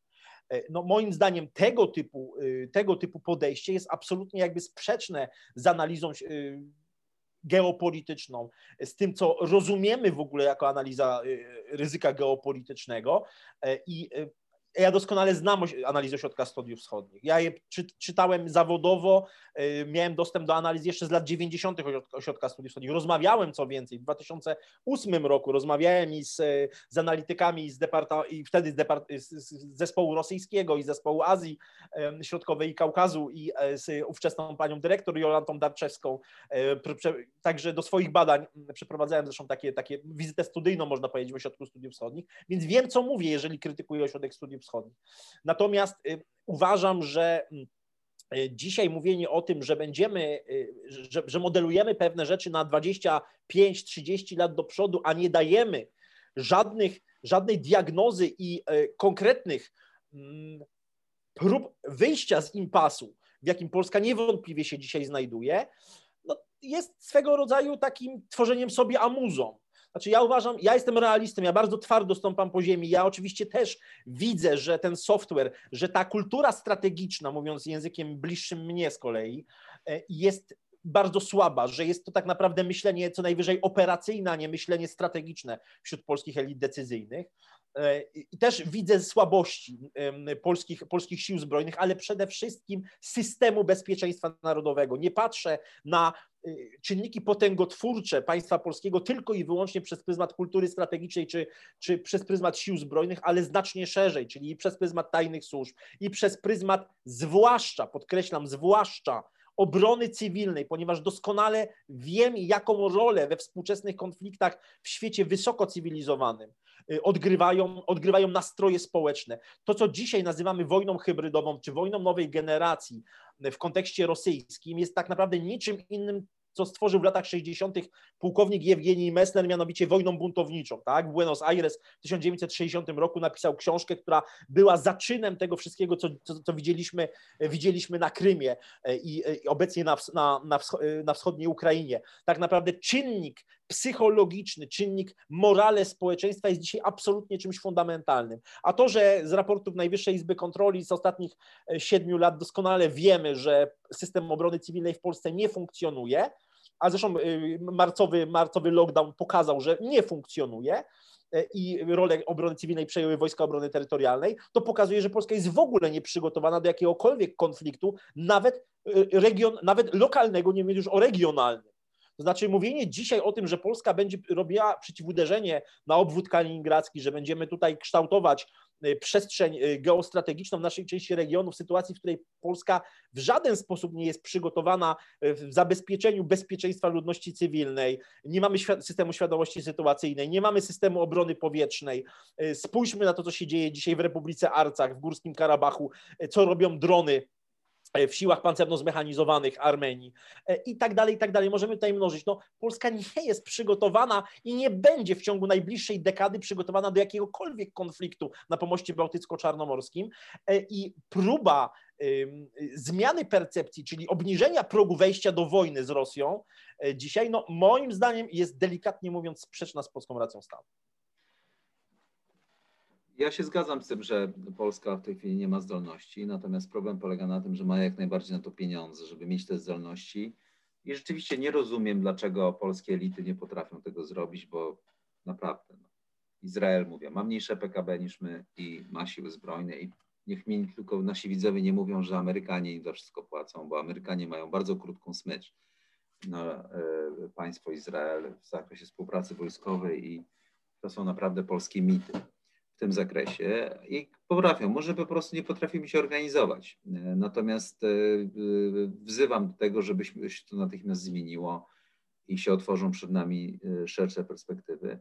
I panie Leszku, to są naprawdę konkretne zalecenia, tak? E, jak wygląda współczesne pole walki. Współczesne pole walki wygląda inaczej niż mówią nasi eksperci, tacy starszej daty zwłaszcza. To jest wyizolowane pole walki. Ja nawet nie mówię, że Rosjanie muszą E, być nad Wisłą i Wartą i nawet może właśnie lepiej, żeby nie byli.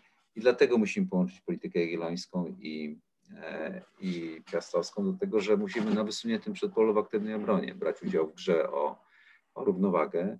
Dlatego Ukraina i Białoruś są takie ważne i nasz system świadomości sytuacyjnej musi tam sięgać, nasze rażenie e, ochronione przez nasz system świadomości sytuacyjnej i zautomatyzowane systemy dowodzenia i rażenia kinetycznego muszą radzić. Musimy mieć takie wojsko po prostu, bo jak nie, to nie weźmiemy udziału w tym wyścigu modernizacyjnym, tak jak za czasów saskich, tak jak, e, no po prostu, no, tak jak, nie wiem, w latach 30. XX wieku i po prostu maszeruj albo gin. E, maszeruj albo gin. Też jeszcze, bo, a propos konfliktu, jeszcze wracając... Jeszcze Panie Leszko mogę być, bo Pan, a propos naszych elit też, przyznam się, że nie rozumiem, dlaczego z Rosją nie rozmawiamy i to po, pomimo tego, że powiedziałem, że po prostu nieusuwalne są te problemy strukturalne z nami Rosją i trzeba o tym wiedzieć. Oni o tym wiedzą, my o tym wiemy, a jednocześnie powinniśmy rozmawiać, bo wtedy się upodmiotawiamy, a nie uprzedmiotawiamy. Nie rozumiem, dlaczego Polacy mają takiego moralniaka i nie rozmawiają, a za to Pompeo sobie rozmawia błogo z Rosjanami, pewnie o nas. Tak? I my jesteśmy zadowoleni z tego, układu. Niemcy też rozmawiają, wszyscy rozmawiają pewnie o nas, a e, nie rozumiem, dlaczego my nie możemy. Rozumiem, że Rosjanie nie chcą z nami rozmawiać, bo utwierdzają wszystkich przekonanie, że jesteśmy przedmiotem i z Macronem się dogadują. Ale dlaczego my sami tylko utwierdzamy to przekonanie, to szczerze mówiąc tego nie rozumiem. E, I, ale to z, z, z poczucia siły wynika to, co mówię, a nie z poczucia innego powodu, że chciałbym odmienić korelację statusu pan, tej relacji. To, chciałbym to, to odmienić. widać doskonale po stanie badań nad Rosją dzisiaj. To, o czym Pan mówi, to dlaczego też Rosjanie nie chcą z Polakami rozmawiać, to wynika ze skrajnego, ale to skrajnego niezrozumienia Rosji dzisiaj. Powtarzam to też w swoich y, prelekcjach różnych, że jeżeli chcemy zobaczyć, jak wyglądają dzisiaj, jeżeli chcemy ocenić w ogóle polską kulturę strategiczną, i w stosunku do chociażby no, w kontekście polityki wschodniej, no to spójrzmy, ile książek, ile syntez historii Rosji w Polsce powstało w ciągu ostatnich 30 lat. Y, przecież Polska z uwagi na swoje właśnie położenie geograficzne powinna być absolutnym liderem w zakresie think tanków, które prowadzą badania, analizy na temat, na temat studiów eurazjatyckich, studiów wschodnich. Y, Polska absolutnie powinna być liderem w eksploracji archiwów rosyjskich, na tyle, a to nie jest tak, że dzisiaj archiwa rosyjskie są całkowicie zamknięte przed Polakami.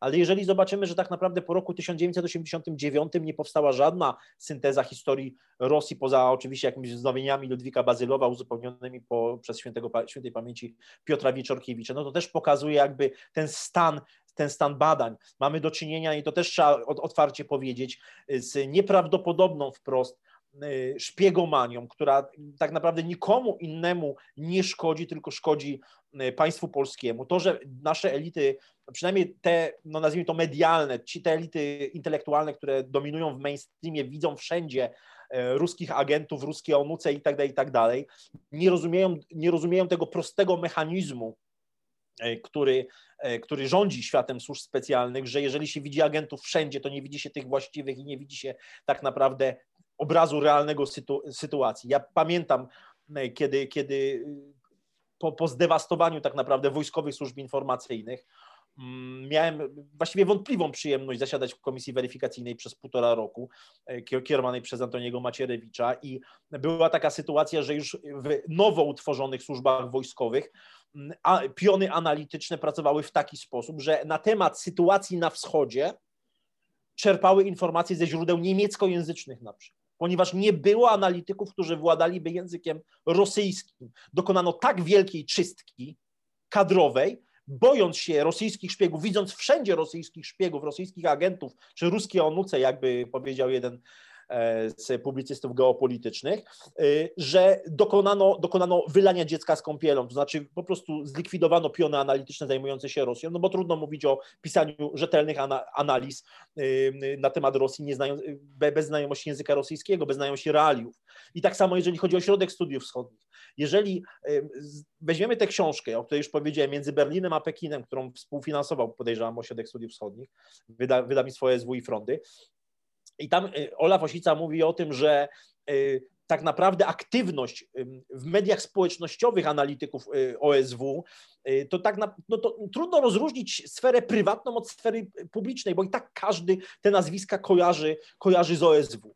No jeżeli mamy w zeszłym roku wypowiedź szefa zespołu rosyjskiego OSW, który pisze wprost, expressis verbis, na Twitterze, że Rosją rządzi zorganizowana grupa przestępcza, nie wnikając, czy to jest prawda, czy nieprawda, jakby to zupełnie inna sprawa, ale mówi to człowiek, który jest jednoznacznie jednym z filarów, absolutnie filarów kadrowych e, tego ośrodka studiów wschodnich. To, to ja zadaję proste pytanie, kto będzie rozmawiał na wschodzie e, z, z szefem zespołu tak, rosyjskiego, panie, czy z analitykami? No, Le... zdajemy sobie sprawę z tych mechanizmów. Panie Leszku, tak, ale wolałbym, żebyśmy w naszej rozmowie się skoncentrowali na procesach i zjawiskach, okay.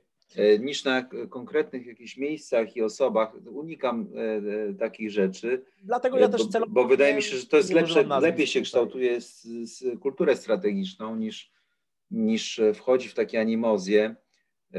Ja, ja powiem, że rzeczywiście tak jest. No i na, na swoją drogą zachęcam do Strategy in Future, bo Marek Budzisz i osoby u nas, niektóre przecież się urodziły w Związku Radzieckim w zespole, więc znają biegle język rosyjski. I rzeczywiście widzę, że ta nasza komórka patrzenia na wschód jest bardzo aktywna w Strategy in Future i mam nadzieję, że wrzucamy do debaty Na pewno w kontekście wojny nowej generacji wydaje mi się, że jesteśmy naprawdę nieźli i widzę, że nawet Amerykanie zaczynają już tutaj do nas wydzwaniać i, i pytać, co sądzimy o czymś i o tamtym.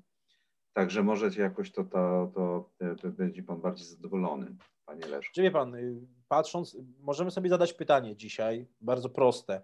Co jest strategicznym celem Federacji Rosyjskiej? Jak rozumiemy rolę, bo tutaj no nie zgadzamy się, jeśli chodzi o rolę Polski. Znaczy, pan patrzy na, na, to zupełnie inaczej, ja patrzę również na to zupełnie inaczej, ale spróbujmy sobie uświadomić na to, czy, spróbować odpowiedzieć na pytanie, czy Rosja jest y, wrogiem państwa polskiego, czy, czy jest y, dzisiaj największym zagrożeniem dla suwerenności, niepodległości państwa polskiego e, przez pryzmat strategicznych celów tego państwa. Jak pan rozumie e, strategiczne miejsce i rolę Federacji Rosyjskiej dzisiaj na świecie? Znaczy, jak pan czyta, ja, to jest moje pytanie konkretne, jak pan czyta e, politykę rosyjskich strategów dzisiaj, jak oni pańskim Dobrze. zdaniem widzą cele strategiczne tego to państwa? Ja uważam, że, że chcą rozegrać położenie geograficzne i być języczkiem uwagi w grze geopolitycznej Eurazji między Chinami a Europą, z rolą Stanów Zjednoczonych, muszą usunąć w związku z tym Stany Zjednoczone z Europy, być w, w grze o równowagę w całej Eurazji, w szczególności w Europie i jest to po trupie państwa polskiego i jego interesów.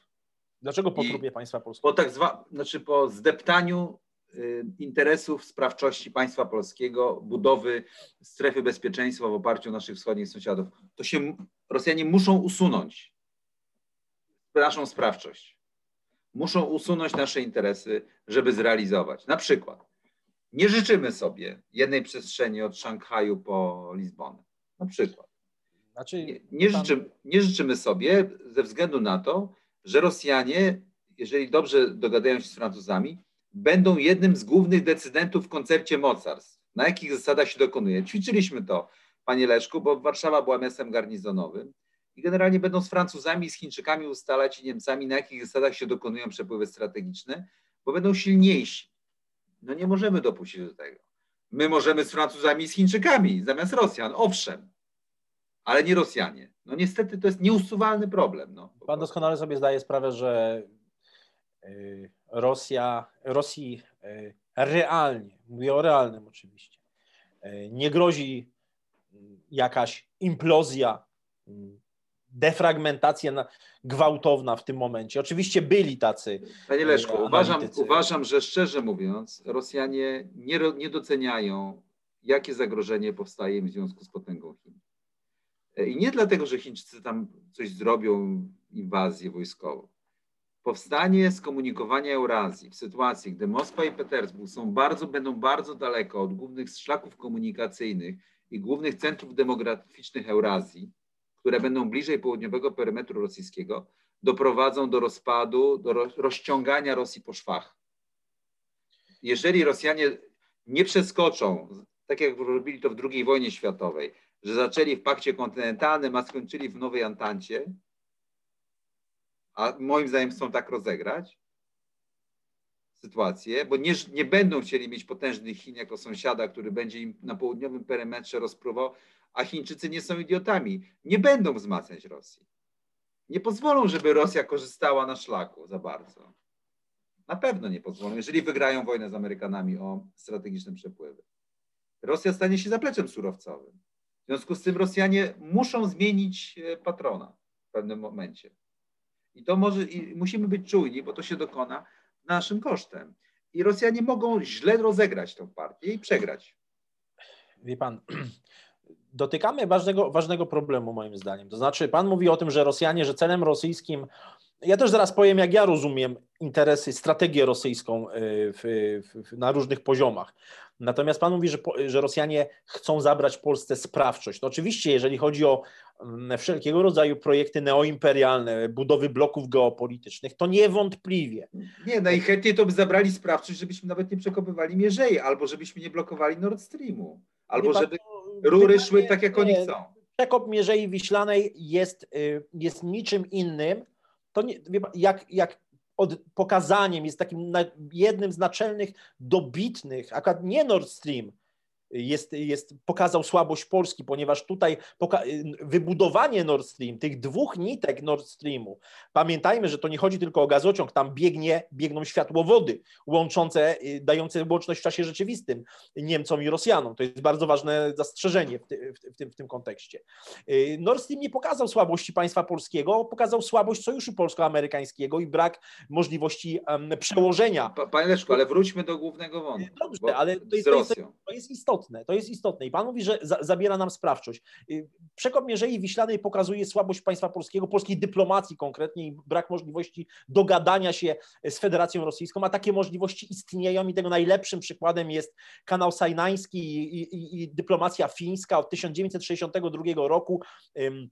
Finlandia dzierżawi rosyjską część e, no tego tak, kanału, to jest prawie 20 kilometrów. E, w 2010 roku podpisano kolejne porozumienie, które jest do 2063 roku i nie ma tutaj problemu, podobnie jak z zakupem surowców z, e, z, z Rosji, mimo iż Finlandia ma doskonałe na przykład wojska obrony terytorialnej, mówiąc językiem, językiem naszym. Natomiast o jakiej sprawczości mówimy? Też mówimy o jakich wartościach, tak? W jaki sposób, co jest celem państwa polskiego, co my mamy do zaoferowania, jeżeli już. Chodzi o to, że celem państwa, państwa polskiego jest, jest budowa prosperity naszego społeczeństwa, do czego potrzebne Zgadzam jest bezpieczeństwo. Się. I Rosjanie nam to odbierają. Po prostu. Swoim, swoim życiem, swoim oddychaniem nam to odbierają, dlatego to nie jest ich wina. Cieszę się, że pan to powiedział. Nie, no cieszę się, że pan to powiedział, bo, bo, bo to jest jakby takie podstawienie sprawy przez pana, pokazuje, że mówimy tutaj o no, no doktrynie, no po prostu sztucznej to... konstrukcji intelektualnej z pańskiej strony e, i e, nieusuwalnej sprzeczności w koegzystencji. No ale historia tego, panie Leszku, historia tego Nie, dowodzi. No. To jest determinizm historyczny, o czym pan no, mówi, no, determinizm no. geograficzny. Jestem absolutnie, absolutnie przeciwnikiem A takiego... Panie Leszku, może pan jest naiwny po prostu, panie Leszku. Może, nie, może pan jest naiwny, jeżeli pan uważa, że da się inaczej. Mo, może jestem naiwny, natomiast ja naprawdę nie widzę dzisiaj sprzeczności między Polską a Rosją, yy, przy oczywiście założeniu, że Polska nie będzie pełnić roli konia trojańskiego, czy też osła trojańskiego, jak niektórzy złośliwi mówią, w tej części Europy, że nie będzie e, prowadzić, nie będzie pełnić roli zderzaka amerykańskiego w tej części Europy i nie będzie prowadzić polityki neoimperialnej. E, Rosja nie ma roszczeń terytorialnych wobec państwa Ale to nie chodzi, ale terytorium nie ma żadnego znaczenia prawie. Chodzi o zasady, na jakich dokonuje się współpraca międzynarodowa przez przestrzenie wspólne, przez Global Commons, przez różne inne rzeczy. I Rosjanie chcą narzucać te zasady. Po prostu. I do tego potrzebują wojny nowej generacji. Y, A w związku z tym, że sami nie są w stanie generować atrakcyjnego modelu cywilizacyjno-gospodarczego, destabilizują swoje otoczenie. Zgadzam się, model rosyjski, model cywilizacyjny nie jest modelem atrakcyjnym i dlatego uważam, w odróżnieniu od niektórych właśnie mainstreamowych komentatorów geopolitycznych, tak to nazwę, E, że nie ma w Polsce żadnej partii rosyjskiej, nie ma żadnego bloku prorosyjskiego, nie ma opcji rosyjskiej. No, panie Leszku, właśnie, proszę zwrócić uwagę, że nie ma od momentu, gdy w rosyjskiej wojnie, koncepcji wojny ograniczonej przestaliśmy się bać wojska rosyjskiego w latach 90., to nagle pękła partia rosyjska. Nie ma, bo zawsze musi być siła. To jest podstawa ciężkości. Gdy przegrali wojnę z Japonią, prawie się państwo zapadło w 1905 roku. Gdy przegrali w 17 roku, państwo się zapadło. W 41 o mały włos. Zawsze jest tak samo. Nie, wie pan, myślę, że akurat w latach 90. to tego wojska rosyjskiego bano się w Polsce i e, a, a zwłaszcza. I dlatego te, była partia rosyjska jeszcze przez chwilę. Ta, no tak. Wie pan co, gdyby Rosjanie chcieli, proszę mi wierzyć, że gdyby Rosjanie chcieli, e, to ta partia rosyjska w Polsce by powstała. Rosjanie wydają ogromne pieniądze na soft power. E, I e, jeżeli spojrzymy nawet na zaangażowanie takich e, ośrodków rosyjskich państwowych jak Urząd Oficjalny, Federalny, Rozsatrudniczestwo i zobaczymy na budowanie rosyjskiego soft power nie tylko na, na tak zwanej bliskiej zagranicy, czy na obszarze wielkiego limitrofu, mówiąc językiem Wadima Cymburskiego, to zobaczymy, że Rosjanie jak, i Rosjanie oczywiście pozostawili tutaj aktywa operacyjne. To nie jest tak, że, w tysiąc, że we wrześniu 93, 18 września wyjechał ostatni, e, ostatni żołnierz rosyjski, czy tam rosyjski wtedy już i, i Rosjanie tutaj nie zostawili żadnych, żadnych wpływów. Oczywiście zostawili aktywa operacyjne i gdyby dzisiaj chcieli, to jak najbardziej by stworzyli taką partię rosyjską, ale nie stworzą tego i y, oczywiście robią weźmy działania chociażby Konstantina Małofiejewa, próba jakichś takich e, działań, które przykuwają uwagę polskiego kontrwywiadu, odwracają uwagę. Te gry operacyjne cały czas są, to widzimy, zresztą to może na, na, inną okazję zupełnie, zupełnie rozmowa. Natomiast nie opłaca się to Rosji dzisiaj. Absolutnie się to nie opłaca, ponieważ jednym z naczelnych, e, z naczelnych e, decyzji strategicznych państwa rosyjskiego po tym, jak tak naprawdę polskie elity nie chciały współpracy z Rosją i y,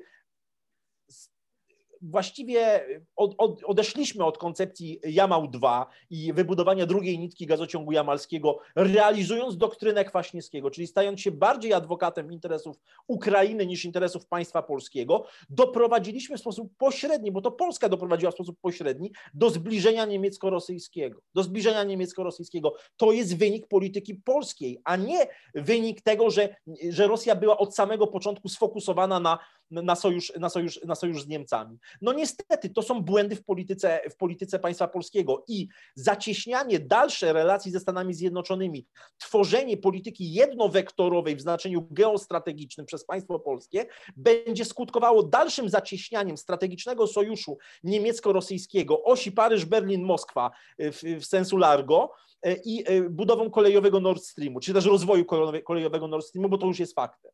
No niestety, takie są, to, to są fakty.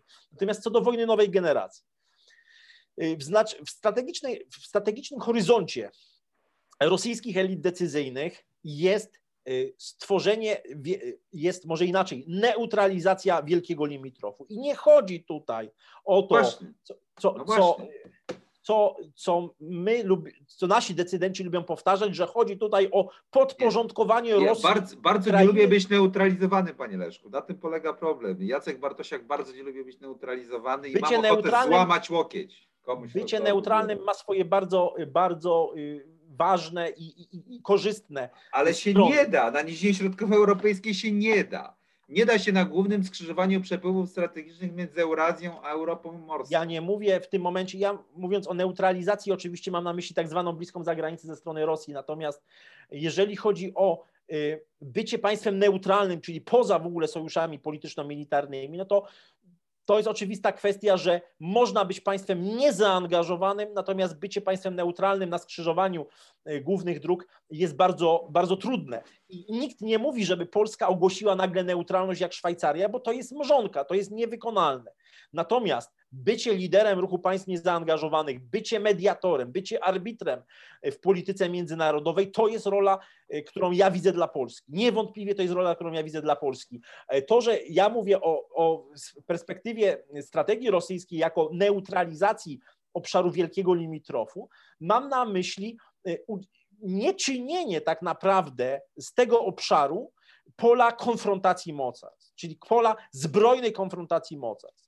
E, przecież Rosji dzisiaj nie jest stać na to, żeby wchłonąć Ukrainę. No przecież to jest absurd. Jeżeli ktoś dzisiaj z polityków polskich mówi, czy jakichkolwiek intelektualistów, że celem Rosji jest wchłonięcie całej Ukrainy, to chyba no naprawdę nie ma, nie ma pojęcia o czym mówi. Ani w no sensie. Więc, panie Leszku, więc ani przyznajmy, wystarczy trochę, żeby nie brali udziału w grze o równowagę w Europie, skoro nie mogą nawet wchłonąć Ukrainy.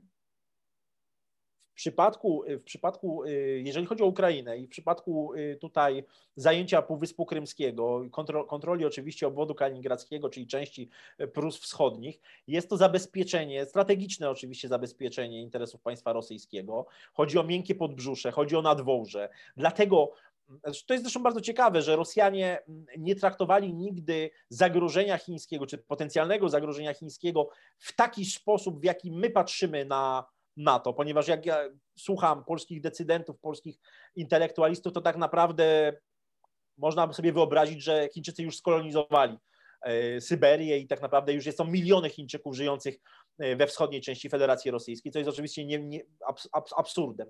Jakby liczba obywateli Chin, którzy żyją w Rosji, to jest w granicach 200-300 tysięcy. E, natomiast, natomiast prawda jest taka, że zagrożenie dla integralności niepodzielności państwa rosyjskiego, funkcjonowania w ogóle rosyjskiego środka siły, nigdy nie, realne oczywiście zagrożenie, nigdy nie, nie szło ze wschodu. Nawet no, a jak? klęska... A, czasach, no, a, no, nawet porażka pod Tsushima, nawet, nawet, y, nawet tutaj Hauchengo, nawet y, te, te zagrożenia. Pamiętajmy, co jest rdzeniem państwa rosyjskiego. Tym rdzeniem jest nadwołże, czy też ten obszar y, powiedzmy między Tak, panie Leszko, ale dokładnie ja mówię o nadwołżu, bo ja nie mówię o tym, że Chińczycy, bo rzeczywiście nie da się od strony wschodniej podporządkować wojskowo. Komunikacyjnie jest to straszny dramat. I dlatego Komunikacyjnie, Chińczycy, klimatycznie. Gdyby nie było Amerykanów na świecie, i Chińczycy by zrobili pas i szlak, bo Amerykanie by nie byli w stanie zablokować tego swoimi grami, to Rosja, gdyby nie, kon, nie kontrowała tego, Chińczycy by zrobili na południowym perymetrze wzdłuż głównych osi demograficznych Eurazji. To by osłabiało relatywnie Rosję względem innych, którzy rośliby siłę na nowym connectivity. I Rosja musi, jeżeli o tym nie myślą, to są idiotami. A zatem nie jest to korzystne dla nich czekają na propozycję mocarstwa morskiego. Więc nie chodzi o Moskwę ani Petersburg, chodzi o południe, nadwołże, terminalny obszar Morza Czarnego, e, Morze Kaspijskie, szlak traw, prawda, brama turańska, ale generalnie też świat Persów i Arabów, tak, na północy, że to uruchomić, jak w starożytności, to jest cel Chińczyków i kontrolować Bliski Wschód. Oni nie mogą mówić tego Rosjanom, bo Rosjanie szybko się obrócą na Amerykanów, więc jest, wszyscy się oszukują. Tak? Dlatego ja, uważam, dlatego ja uważam, że konfrontacja amerykańsko-chińska, która jest oczywistym faktem dzisiaj, i szkoda, że polscy decydenci tego nie rozumieją i nie przeczytali, nie wczytali się w dokumenty amerykańskie e, publikowane już właściwie w sposób otwarty od co najmniej 2011 roku. Mam na myśli ten słynny zwrot Kuazji e, ogłoszony przez Hillary Clinton. Nie zadają sobie prostego pytania o kondycję Sojuszu Północnoatlantyckiego i perspektywy rozwoju w przypadku konfrontacji amerykańsko no W jaki sposób? To, są realne pytania dzisiaj o, o, o, o, nasze bezpieczeństwo. Dlatego ja uważam, że bardziej, z tego co Pan zresztą powiedział, wynika, E, że o wiele korzystniejsze jest uderzenie w interesy chińskie przez Stany Zjednoczone nie na Morzu Południowochińskim, nie na Morzu Wschodniochińskim, nie na Indo-Pacyfiku, ale właśnie na Bliskim Wschodzie z uwagi na strukturę handlu zagranicznego Chińskiej Republiki Ludowej. Tak? Jeśli spojrzymy na te reformy, które wprowadził Deng Xiaoping, na te wszystkie kolejne etapy, które Chińczycy przechodzili od 1978 roku, na te cele strategiczne, geopolityczne, które piąta generacja przywódców chińskich wyznaczyła. To, co się dzieje właściwie od 18 zjazdu Komunistycznej Partii Chińskiej Republiki Ludowej. Wielki renesans, prawda, chińskie marzenie, perspektywa 2049 roku i tak dalej, i tak dalej. Mówiąc skrótowo, to uderzenie dzisiaj w Chiny na zasadzie proxy war w, na Bliskim Wschodzie moim zdaniem jest bardziej prawdopodobne niż na, niż na Indo-Pacyfiku. I jeszcze jedna rzecz, tu mi uleciało, ale powiedział Pan ważną rzecz, którą ja się nie zgadzam, że konflikt o Górski Karabach, że to, co się dzieje od 27 września obecnie w, no, między Armenią a Azerbejdżanem, a właściwie to między Turcją, Azerbejdżanem i Armenią, jest proxy war, bo z tego wynikało, co Pan powiedział, jest proxy war między Turcją a Rosją. Absolutnie się z tym nie zgadzam. Uważam, że akurat ten konflikt i w 2016, i w, w roku 90, w latach 91-94, i ten, który dzisiaj obserwujemy od 27 września, nie jest w żaden sposób proxy war między Federacją Rosyjską a, a Republiką Turecką. Z bardzo prostego powodu. Z bardzo prostego powodu. Rosja nie popiera w żaden sposób dzisiaj Armenii, wręcz odwrotnie, nie jest w stanie i nie ma chęci, nie ma woli politycznej, aby, y, aby zapobiec na przykład sprzedaży rakiet Polones przez Republikę Białoruś y, y, Azerbejdżanowi. Tak? W żaden sposób. Co więcej, moim zdaniem elity rosyjskie, elity decyzyjne doskonale ten temat przepracowały i omówiły między innymi z politykami izraelskimi. Nie bez przyczyny kilkanaście razy w ciągu ostatnich lat prezydent Władimir Putin spotykał się z Benjaminem Netanyahu. Kwestia tego, w jaki sposób kształtować nową architekturę bezpieczeństwa na Bliskim Wschodzie po nieudanej próbie y, geostrategicznej amerykańskiej budowy większego Bliskiego Wschodu, koncepcja Brzezińskiego i innych, pokazała, że potrzeba innej strategii. Dzisiaj największym wyzwaniem dla Izraela jest oczywiście Iran, ale dla Chin, dla Stanów Zjednoczonych są Chiny i ewentualna proxy war z, z Iranem jest niezwykle istotna. Proszę zobaczyć, że Siergiej Ławrow, którego, który przecież ma pochodzenie i gruzińskie, i ormiańskie, sam to wielokrotnie przyznawał, że w jego grzyłach płynie krew także ormiańska, w żaden sposób nie zastosował Mm, czy nawet nie próbował wymóc zastosowanie stosownych artykułów organizacji, o układzie, organizacji Układu o Bezpieczeństwie Zbrojowym, czyli rosyjskiego NATO. Rosja nie wspiera Armenii, nie ma żadnych danych, które by wskazywały na to, że czy dyplomatycznie, czy politycznie, czy czy, czy jak, w jakikolwiek militarny sposób Rosja wspiera Armenię, więc nie jest to proxy war z, z Turcją. Zresztą oczywiście odwrotnie jest w, przypa w, przypadku Republiki Tureckiej. Erdoğan jak najbardziej Alijewa wspierał, wspiera i to jest kwestia już nie Właśnie. tej od, koncepcji dwóch narodów, i, i o to chodzi, państwów, że Turcja jest przy stole i decyduje o przyszłości obszaru postsowieckiego. Nie, wręcz odwrotnie. No tak, co nie, jest no, celem rosyjskim, ale co jest celem rosyjskim dzisiaj? Czy, czy Rosja dzisiaj, pańskim zdaniem, zrzekła się y, prawa głosu w stosunku do południowego Kaukazu? Moim zdaniem jest wręcz odwrotnie. Prawa głosu nie, ale musi się liczyć z Turcją, z którą się nie musiała wcześniej liczyć. No, musi się liczyć, musi się liczyć przede wszystkim z Zachodem, y, ze Stanami Zjednoczonymi. Pamiętamy rok 2018, próba wywołania kolorowej rewolucji y, w Armenii. To, że Serge Sarkisian został odsunięty od władzy, człowiek klanu karabaskiego, człowiek, który y, realizował opcję prorosyjską, nie jest, nie było przecież spowodowane wpływami tureckimi Wręcz odwrotnie, było spowodowane wpływami zachodnimi, amerykańskimi, próbami, próbami prowadzenia kolorowych rewolucji. Tak dalej. Ale Paszynian, właśnie Nikol Paszynian prowadził politykę, no właśnie takiego próbę, próbę balansowania i celem rosyjskim dzisiaj jest wprowadzenie tych rosyjskich mirotworców, tych sił pokojowych do Górskiego Karabachu, do Stepana Kertu, do, do innych, na inne obszary y, Ale będą Karabachu. i Turcy i Rosjanie. W związku z czym mamy tutaj do czynienia z wypychaniem wpływów Zachodu. O to chodzi. To nie jest kwestia proxy war okay. między, między Rosją a Turcją, to jest wypychanie wpływów amerykańskich z tej, części, z tej części świata. To jest bardzo duża różnica. Bardzo duża różnica.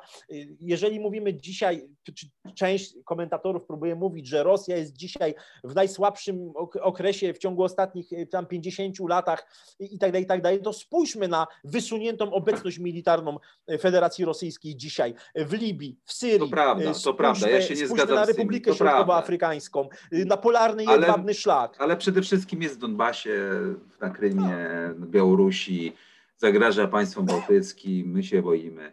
E, no tak, nie no, Rosjanie z naprawdę słabymi kartami rozgrywają bardzo dobrą, e, dobrą partię z punktu widzenia swoich interesów, są we wszystkich grach. Amerykanie z nimi negocjują nowe traktaty, teraz będą ich prosić w sprawie Chińczyków, Chińczycy, e, a to jest naprawdę słabe państwo. Tak? Naprawdę niesamowite mają elity. To jest, trzeba im oddać. Też znają się na wojowaniu, w szczególności na wojnie ograniczonej, nielinearnej, w której są mistrzami, czyli sprzęganiu celu politycznego z ograniczonymi działaniami wojskowymi, żeby nie były przesadzone również. To jest naprawdę Rosja i do, dokładnie tak się dokonały też rozbiory Rzeczpospolitej tak naprawdę. I, I, z tym musimy się zmierzyć. Zanim będziemy kończyć, Panie Jaszko, bo no nieubłaganie już ponad dwie godziny rozmawiamy, już tak. jest tutaj nagrywamy, to żebyście Państwo wiedzieli późno, jesteśmy, jesteśmy po 12 w nocy, nocne Polaków rozmowy. Tak. E, ja mam takie pytanie jedno do Pana. E, no, z takich powiedziałbym, z dużym, z grubym ołówkiem zarysuję to pytanie. Druga wojna światowa przebiegała w ten sposób, że ten cały, ten cały sojusz państwa osi to był, to był humbug. Ani Japonia, ani Niemcy nie koordynowały, znaczy Japonia i Niemcy nie koordynowały z sobą działań E, jedynym spoiwem tego sojuszu była próba rewizji systemu światowego. E, I państwa te były oddzielone też geograficznie, e, były strasznie słabe w porównaniu. Łącznie PKB Japonii i, i, i Stanów Zjednoczonych w 1940 roku i, i Niemiec w 1940 roku nie przekraczało 40% PKB amerykańskiego, jeszcze było Imperium Brytyjskie i tak dalej, Związek Sowiecki później. Chiny tymczasem są wielką potęgą wielką potęgą, zaraz, zaraz nominalnie również potężniejszą od Stanów Zjednoczonych. Jeszcze są sąsiadem Rosji. Razem kontrolują większość Eurazji. Mają potężne siły zbrojne i Chińczycy, i Rosjanie, zdolności kosmiczne. I myślę, że będą musiały jako sąsiedzi koordynować, gdyby wybuchła wojna, jednak działania. Z takim przeciwnikiem, samymi Chinami, nigdy Stany Zjednoczone się nie, nie równały. No i jeżeli będą wspólnie e, zaczynać tę konfrontację, a ona już trwa, to mamy do czynienia z blokiem politycznym, który możemy nazywać sojuszem, który zaczyna się w Brześciu, kończy się w Szanghaj. I panie Leszku, w kontekście tego, co pan powiedział, jaka powinna być polityka bezpieczeństwa państwa polskiego w związku z tym w najbliższych 15 latach? Tak jak powiedziałem, punktem wyjścia dla mnie jest zrozumienie tej przestrzeni, którą nie to, że zajmowaliśmy w wiekach poprzednich, ale tą, którą zajmujemy po 1945 roku. Po 1945 roku. Naczelnym, absolutnie podstawowym, rudymentarnym wskazaniem strategicznym jest mm, takie działanie, które będzie wzmacniało naszą siłę gospodarczą. Czyli jest przyjęcie Y, roli stworzenia geoekonomicznego. Y, to jest w zakresie celów strategicznych porzucenie. Ale przepraszam, panie Leszku, prze, prze, przepraszam, ja rozumiem, ale taka sytuacja doprowadzi do tego, że Amerykanie będą wymuszać podział świata gospodarczego. Granica będzie na Bugu prawdopodobnie przebiegać. Wie pan co? Może pan powiedzieć, że nie, nie uda się Amerykanom to zrobić. To też jest odpowiedź. Wie pan co? Nie, nie. To to nie o to chodzi, wie pan co, to nie o to chodzi. Y, Zakwianie, krach systemu z Bretton Woods, czy też y, stworzenie, czy odejście w ogóle od świata jednobiegunowego jest już ja wiem, faktem. ale będą jest deglobalizować, ale będą deglobalizować, wymuszać na Europejczykach deglobalizację i odejście od Chin, odejście od globalnej wymiany. W związku z tym koncepcja Wakara przystanie, nie będzie jednej Eurazji w tym układzie. Będzie świat atlantycki, który będzie zbrojnym pokoju albo rywalizacji ze światem kontynentu euroazjatyckiego. Chyba, że pan Powiem, powie, że to się nie zrealizuje. Bo nie, nie. Ja odpowiem panu inaczej.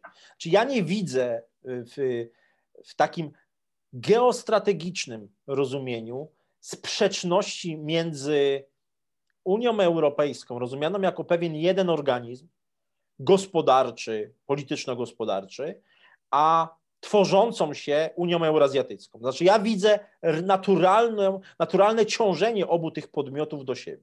I, normal, I naturalne ciążenie do tego, aby stworzyć e, strefę wolnego handlu ciągnącą się od Półwyspu Pirenejskiego aż po Sachalin. Ja to rozumiem, I, ale to, to, jest to, oczywista to spowoduje, sprawa. że zabijamy podstawowe założenie amerykańskiego strategii, żeby tak, nic takiego nigdy Tak, tu się zgadzamy, absolutnie. A zatem tak. Amerykanie będą musieli wyjść z Europy, bo inaczej nie pozwolą na coś takiego.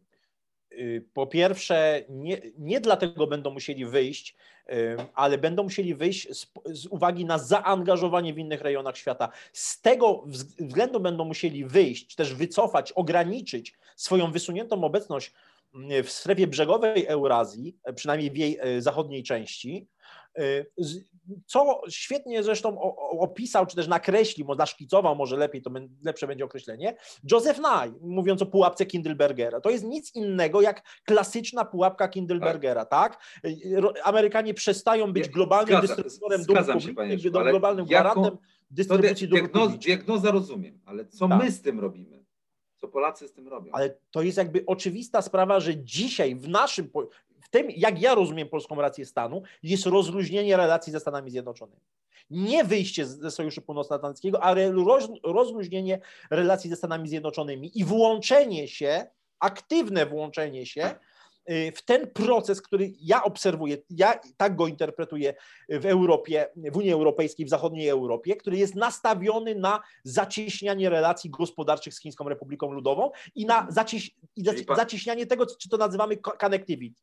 Czyli panie Leszku, uważa pan, że Europejczycy kontynentalnie wybiorą jednak status quo i, i, o, e, relacje z Chinami, a nie ze Stanami Zjednoczonymi? ja uważam, że w perspektywie tej, której jesteśmy w stanie oczywiście tak. prognozować. Tak, bo to się musi dokonać jednego, w najbliższych latach. Jednego pokolenia. To jest wybór oczywiście fundamentalny. Nie ma ważniejszego dzisiaj wyboru. Tak. E, w sensie geopolitycznym. Nie mówię, osobna sprawa to są wartości, jakby jak rozumiemy pojęcie cywilizacji, całej aksjologii itd. Tak itd.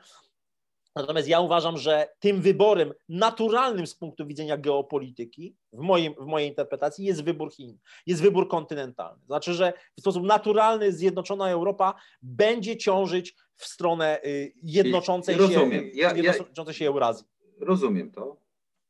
Skłonny jestem też tak pomyśleć, że Europejczycy będą mieli chęć tak zrobić i Amerykanie naprawdę zrobią wszystko, żeby to odmienić i będą używali Trójmorza i nas, żeby to rozmontować. To rozumiem, to się już dzieje. To wszystko się już dzieje. Ale co my zrobimy? Jak pan uważa? Co my Polacy... zrobimy, czy nie co powinniśmy zrobić? Nie, bo co, zrobimy, powi... tak? co powinniśmy, to już zrozumiałem. Pan po prostu okay. powiedział, że ja Wakar, mniej więcej... Wakar powiem... powinniśmy dołączyć do Imperium Europejskiego odpowiem i panu, żyć. Odpowiem panu wariantowo. Właśnie w sposób, w sposób taki metodyczny, wariantowo. Zrobimy, stworzymy, oczywiście będziemy wzmacniać sojusz ze Stanami Zjednoczonymi, Wynika to ze, jakby ze stanu struktur pionowych państwa e, i z uzależnienia po prostu od Stanów Zjednoczonych. I nie jest wykluczone, moim zdaniem nie jest wykluczone, mm, nazwałbym to konfliktem poniżej progu wojny na terenie, na terytorium państwa polskiego, niestety na terytorium państwa polskiego, niekoniecznie z Federacją Rosyjską bezpośrednio, Natomiast bardzo możliwe, oczywiście jest, jest szereg wariantów. Byłem na jednej z, ze strategicznych gier decyzyjnych w zeszłym roku, w której um, analizowaliśmy taki wariant, w której um, Rosjanie doprowadzili do dezintegracji państwa ukraińskiego. Powstało y, państwo, które mogliśmy, na, no, umownie nazywamy Galicją, Galicją Wschodnią i e, oczywiście, gdzie przejęli władzę nacjonaliści ukraińscy, e, którzy po, po, prze, poprzez brak podstawy gospodarczej, przemysłowej oczywiście, która jest na wschodzie Ukrainy, na, e, ekspandowali, ekspandowali na zachód, wykorzystując oczywiście aktywa i operacyjne ukraińskich służb i e, mniejszość, mniejszość ukraińską na terytorium Polski i dochodziło właśnie do tego typu właśnie konfliktów etnicznych na terytorium państwa polskiego. Jestem w stanie sobie i mam absolutnie, jeśli chodzi o wojnę buntowniczą, o to, co nazywamy wojną nieliniową, konfliktem asymetrycznym, jestem sobie w stanie jak najbardziej wyobrazić e, powstawanie, jeżeli premier Polski mówi o tworzeniu jakichś władz alternatywnych białoruskich na terytorium Polski, w Warszawie, na Saskiej Kępie, to jestem w stanie sobie wyobrazić stworzenie powiedzmy władz Śląskiej Republiki Rozumiem. Ludowej gdzieś na Białorusi czy, czy, czy w Rosji. To jest niebezpieczne dla państwa polskiego, ponieważ Polska do konfliktu poniżej progu wojny jest kompletnie nieprzygotowana. Jest jeszcze gorzej w tym kontekście, do, do wojny nieliniowej Polska jest jeszcze mniej przygotowana niż do klasycznego starcia y, kinetycznego. Niestety tak jest, możemy poświęcić temu inną rozmowę gdzieś kiedyś w przyszłości. Natomiast jak wyglądałby potencjalny konflikt na terytorium państwa polskiego? Uważam, że konflikt nieliniowy jest przy kontynuacji tej strategii, którą, y, którą realizują decydenci w Warszawie, jest jak najbardziej możliwy. Jakby próba destabilizacji państwa polskiego, destabilizacji sytuacji wewnętrznej i być może dekompozycji y, terytorialnej, co byłoby oczywiście no, dramatyczną sytuacją. Rozumiem, czyli czy y, dobrze rozumiem, jeżeli nie wybierzemy według Pana opcji kontynentalnej wraz z Niemcami, którzy się dogadają na pasie i szlaku jakoś i Amerykanie wyjdą z Europy, będą musieli to zaakceptować i będzie nowa Eurazja, handlująca, kotująca się, ale i będzie jakiś system mocarstw, gdzie Niemcy będą odgrywali główną rolę jako Europa i my znajdziemy jakoś tam w tym miejsce i wakarowsko będziemy wykorzystywać ruch, tak, to e, będziemy strefą peryferyjną, która będzie podlegała naciskom dwóch płyt, kontynentalnej i morskiej. Amerykanie będą nas przedmiotowo traktować, a w walce o sprawczość Rosjanie będą generowali pozbawienie nas sprawczości poprzez generowanie konfliktu na naszym terytorium czy w naszym, naszym obszarze geostrategicznym. Tego tak. to się sprowadza, tak? A, mhm. absolutnie moim zdaniem jest to, jest to wypadkowe. Dobra, a niech Pan mi powie, dlaczego Pan uważa, że jeżeli, wybierze, że jeżeli wybierzemy opcję kontynentalną i będzie imperium europejskie, które będzie miało swoje własne ambicje i też nie będzie się zgadzało w pełni z Rosją wtedy, bo Niemcy same mogą się dogadywać z Rosją, ale jak będzie imperium europejskie, to się będą czuli na tyle silni, że będą chcieli Rosji też dyktować. I dlaczego Pan uważa, że Rosjanie też nie będą tego robić, bo nie będą negocjowali siłą na peryferiach z Imperium Europejskim? Ponieważ, wie pan co, no oczywiście mówiąc na tak dużym poziomie abstrakcji, bo mówimy o bardzo dużym poziomie abstrakcji, wybiegając w bliżej nieokreśloną przyszłość. Panie Leszku, ale ja, ja mówię tak od wielu lat, na poziomie abstrakcji się wszystko sprawdza. Dlatego, że to, co teraz robimy, na przykład to ćwiczenie, jest pewnym ćwiczeniem modelowym, wynikającym nie z intencji, tylko z zdolności i z ograniczeń. I dlatego się to bardzo dobrze sprawdza. Czyli bazujemy nie na intencjach, bo analitycy w Polsce i w ogóle intencje, co Helena powiedziała, co Krzysiek powiedział i, i magier się taki tworzy. Jeżeli się tylko bazuje na ograniczeniach, w których się poruszają politycy i na realnych zdolnościach, które muszą wytworzyć, żeby zmienić te ograniczenia, a nie to, co chcą, to naprawdę wcale można się nie, łatwo e, zmieścić w tym, co się wydarzy za rok, za dwa, za trzy. Tak? To jest model poznawczy e, forecastingu. Tak? I to, co teraz robimy w tym ćwiczeniu, jest dokładnie tym. Tylko oczywiście uproszczonym na Zoomie, od tam sobie, prawda? Więc jest abstrakcyjny, ale się trzyma ciągu e, przyczynowo-skutkowego. Tłumaczę to, bo to dla widzów może być ciekawe. To jest pytanie, to jest pytanie o y, granicę, stopień, głębokość współzależności wytworzonej na obszarze Eurazji.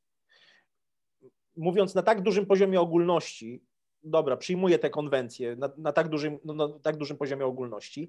Uważam, że ziszczenie się tego świata makinderowskiego, czyli zjednoczenie mas lądowych Eurazji w znaczeniu infrastrukturalnym, gospodarczym, politycznym, wywoła tak, da, tak głęboką współzależność, tak głębokie connectivity, że nikomu nie będzie się tak naprawdę opłacało na obszarze kontynentu eurazjatyckiego naruszać status quo i tę równowagę, która, którą będą gwarantowały głębokie no, połączenia jak, infrastrukturalne. Jak, o ile znam Amerykanów i ze wszystkich tych nacji, które wymieniamy, najlepiej znam Amerykanów, strategów amerykańskich, oni nigdy nie pozwolą na coś takiego. Będzie wojna. Ja też uważam, że jesteśmy bardzo blisko wojny. Amerykanie nigdy nie pozwolą, żeby Eurazja taka powstała. I e, będą jednych przeciwko drugim e, ruszać. I po prostu no tak, nie tylko, że, tylko że będąc w bloku atlantyckim jesteśmy na styku tych dwóch płyt. I tak jest. Jesteśmy, e, przyjmujemy na siebie rolę tak jest. zderzaka. Tak jest. Zderzaka i, stref, i robimy z siebie strefę zgniotu. Dlatego napisałem książkę Między lądem a morzem o wojnie i pokoju.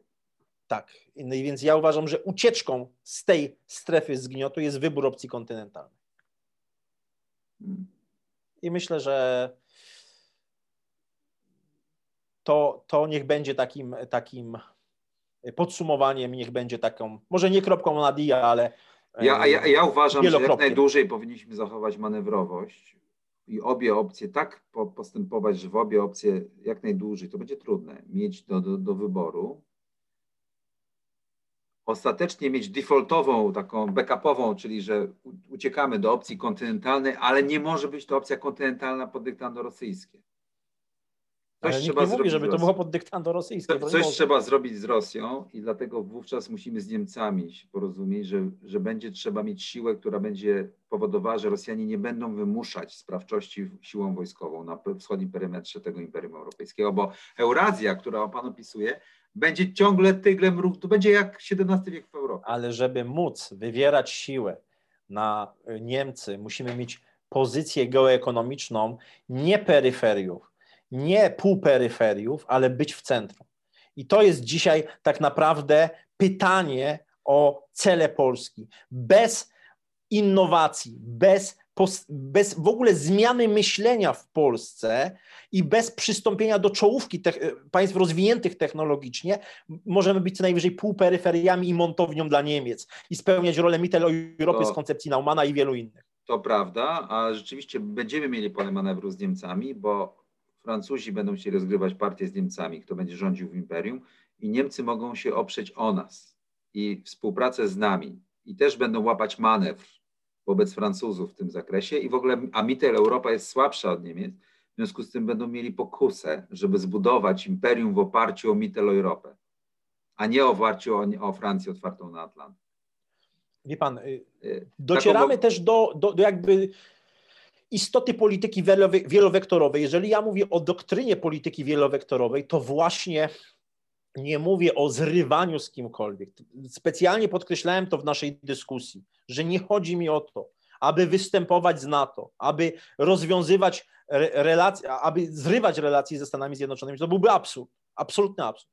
Ale jestem za pogłębianiem współpracy gospodarczej z Rosją. Jestem za, za pogłębianiem współpracy militarnej z Republiką Turecką, ponieważ pamiętajmy, że Turcja ma bardzo duże przełożenie na Niemcy i na to, na, to, na to, co się dzieje w ogóle w Europie, tak? Jest swego rodzaju regulatorem. Jeżeli zobaczymy na kryzys migracyjny, to Turcja stała się regulatorem pewnych problemów wewnętrznych Unii Europejskiej. Ja uważam, że akurat ten kierunek geopolityczny południowy jest bardzo zaniedbany przez, przez państwo polskie. Kwestia Iranu, kwestia Turcji, uważam, że że tutaj mamy bardzo wiele, wiele do powiedzenia i bardzo wiele niewykorzystanych szans, y, chociażby w rozwoju obu przemysłów zbrojeniowych. Pytanie, dlaczego nie rozwijamy tej współpracy? To jest bardzo dobre, dobra kwestia. Tym bardziej, że Pan powiedział, że Turcja nie ma broni jądrowej, no ale pamiętajmy o tej broni natowskiej, czy też amerykańskiej, która jest rozlokowana taktycznie, póki co jeszcze na terytorium Republiki Tureckiej. I uważam, że polityka wielowektorowa, oznaczająca właśnie zachowanie sobie pola manewru, czyli rozwój e, tych, tych relacji przede, przede wszystkim gospodarczych, jest absolutnym priorytetem. Ale nie można zapominać o jednej rzeczy, o tym, że Polska powinna dogonić czołówkę technologiczną świata. To jest absolutny priorytet dzisiaj i to wymaga zupełnie przemodelowania, głębokiego przeorania systemu i edukacji narodowej i szkolnictwa wyższego, zupełnego innego położenia akcentów. Y, I y, uważam, że dzisiaj te reformy, które były w ostatnich dwóch, trzech latach wprowadzone, dwóch latach, bo mówimy o reformie y, premiera Gowina, absolutnie nie, nie wychodzą naprzeciw tym, tym wielkim wyzwaniom technologicznym. Polska dzisiaj traci te możliwości. Zresztą sprawa grafenu doskonale pokazała, jak bardzo jesteśmy niedostosowani do, do wyścigu nowego technologicznego, a cóż tu dopiero mówić o chociażby o przemyśle kosmicznym, o, o doszlusowywaniu do tej, do tej czołówki europejskiej, ale myślę, że to, y, przepraszam, światowej, ale to jest jakby kwestia na zupełnie osobną dyskusję, jak powinno się to y, na pewno, na pewno rzeczywiście musimy złamać peryferyjność i dualizm na łapie. Jedną z opcji jest to, że, że, że, do, że porozumiemy się z Niemcami na nowych warunkach, bo to będzie też w ich interesie i awansujemy w tym podziale pracy a drugą byłoby to, i na to liczy na pewno nasza opcja zelot, taka no niepodległościowo-atlantycka, że Amerykanie łatwo wygrają i przerzucą łańcuchy dostaw do nas i tak dalej, i tak dalej. No oczywiście to jest bardzo, ja też, jak pan wie, jestem bardzo ostrożny, pomimo tego, że mam te związki z Amerykanami, ale staram się być szczery w tym. Nie bardzo wierzę, że Amerykanie są w takiej fazie, że nie bardzo chcą tu wydawać pieniądze. Tak? E, pomimo tego, że my byśmy bardzo chcieli i, i rzeczywiście jest to napięcie między opcją kontynentalną a opcją neoatlantycką i ta dyskusja jest jak najbardziej uprawniona i żadna z, z, z tych stronnic czy e, stronników tej opcji nie jest moralnie gorsza albo lepsza. To jest jak dyskusja która się przetoczała przez różne państwa w różny sposób. Nie? Za Brexitem, przeciwko Brexitowi, albo jak w Stanach Zjednoczonych za niepodległością i przeciwko niepodległości, bo przecież chyba jakby zrobili naprawdę wybory w Stanach przed e, Yorktown, przed tym wszystkimi historiami z kolonistami, to większość nie chciała niepodległości i opierała się, wolała zostać, no i tak dalej, no wiemy, tak? Historycznie to się różnie dzieje. Dobrze, bo się rozpędziliśmy dwie i pół godziny. E, bardzo dziękuję Panie Leszku. E, e, e, to była bardzo ciekawa rozmowa. Dziękuję Panie Jacku. Życzę, życzę oczywiście naszym szanownym widzom refleksji, jak najwięcej refleksji i krytycznego myślenia w stosunku do, do, do geopolityki, do twierdzeń różnych analityków. Myślę, że generalnie nie będzie kultury strategicznej na wysokim poziomie, jeżeli nie będziemy myśleć krytycznie, nie będziemy się spierać, nie będziemy prowadzić polemik, tylko będziemy się trzymać jakichś z góry narzuconych, e, jednostronnych, e, takich powiedziałbym, torów myślowych. Tak, no tak. Rozmawianie, poszerzanie, czytanie i tak dalej, i tak dalej. W końcu jakby nie było, jest to kanon e, myśli wolnego zachodu. Tak. Jeszcze, żeby debatować i się spierać. Ja myślę, wie pan, że ja również y, w stosunku do Rosji e, mam bardzo wiele zastrzeżeń. Niech będzie tutaj przykładem tego, e, tej, tego pluralizmu poglądów, bo przecież środowisko geopolityczne w stosunku do Rosji ma bardzo różne opinie. Niech będzie tego przykładem książka, którą tutaj, tutaj mam, którą wydaliśmy ostatnio, wydawnictwo Zona Zero, Geopolityka Rosji i obszaru postsowieckiego, 23 autorów, ponad 500 stron, e, poruszonych mnóstwo tematów i tak naprawdę ludzie z bardzo różnych orientacji, bym powiedział, geopolitycznych, którzy stworzyli tę książkę, a jest to, jeżeli chodzi o monografię poświęconą rosyjskiej geopolityce, rosyjskiej misji geopolitycznej, pierwsza tego typu praca zbiorowa e, w III Rzeczpospolitej, także to pokazuje, jak potrzebna także jest, jest dyskusja. No, a przed nami też dyskusja o kosmosie, bo to będzie nowa domena, która będzie miała bardzo duże znaczenie dla rozstrzygnięć na podstawowej domenie, gdzie żyją ludzie, gdzie mieszka bardzo dużo ludzi, czyli na lądzie, a zwłaszcza w Eurazji. Dziękuję bardzo. Dziękuję. Do usłyszenia. Dziękujemy. Jacek Bartosiak, Strategy Future.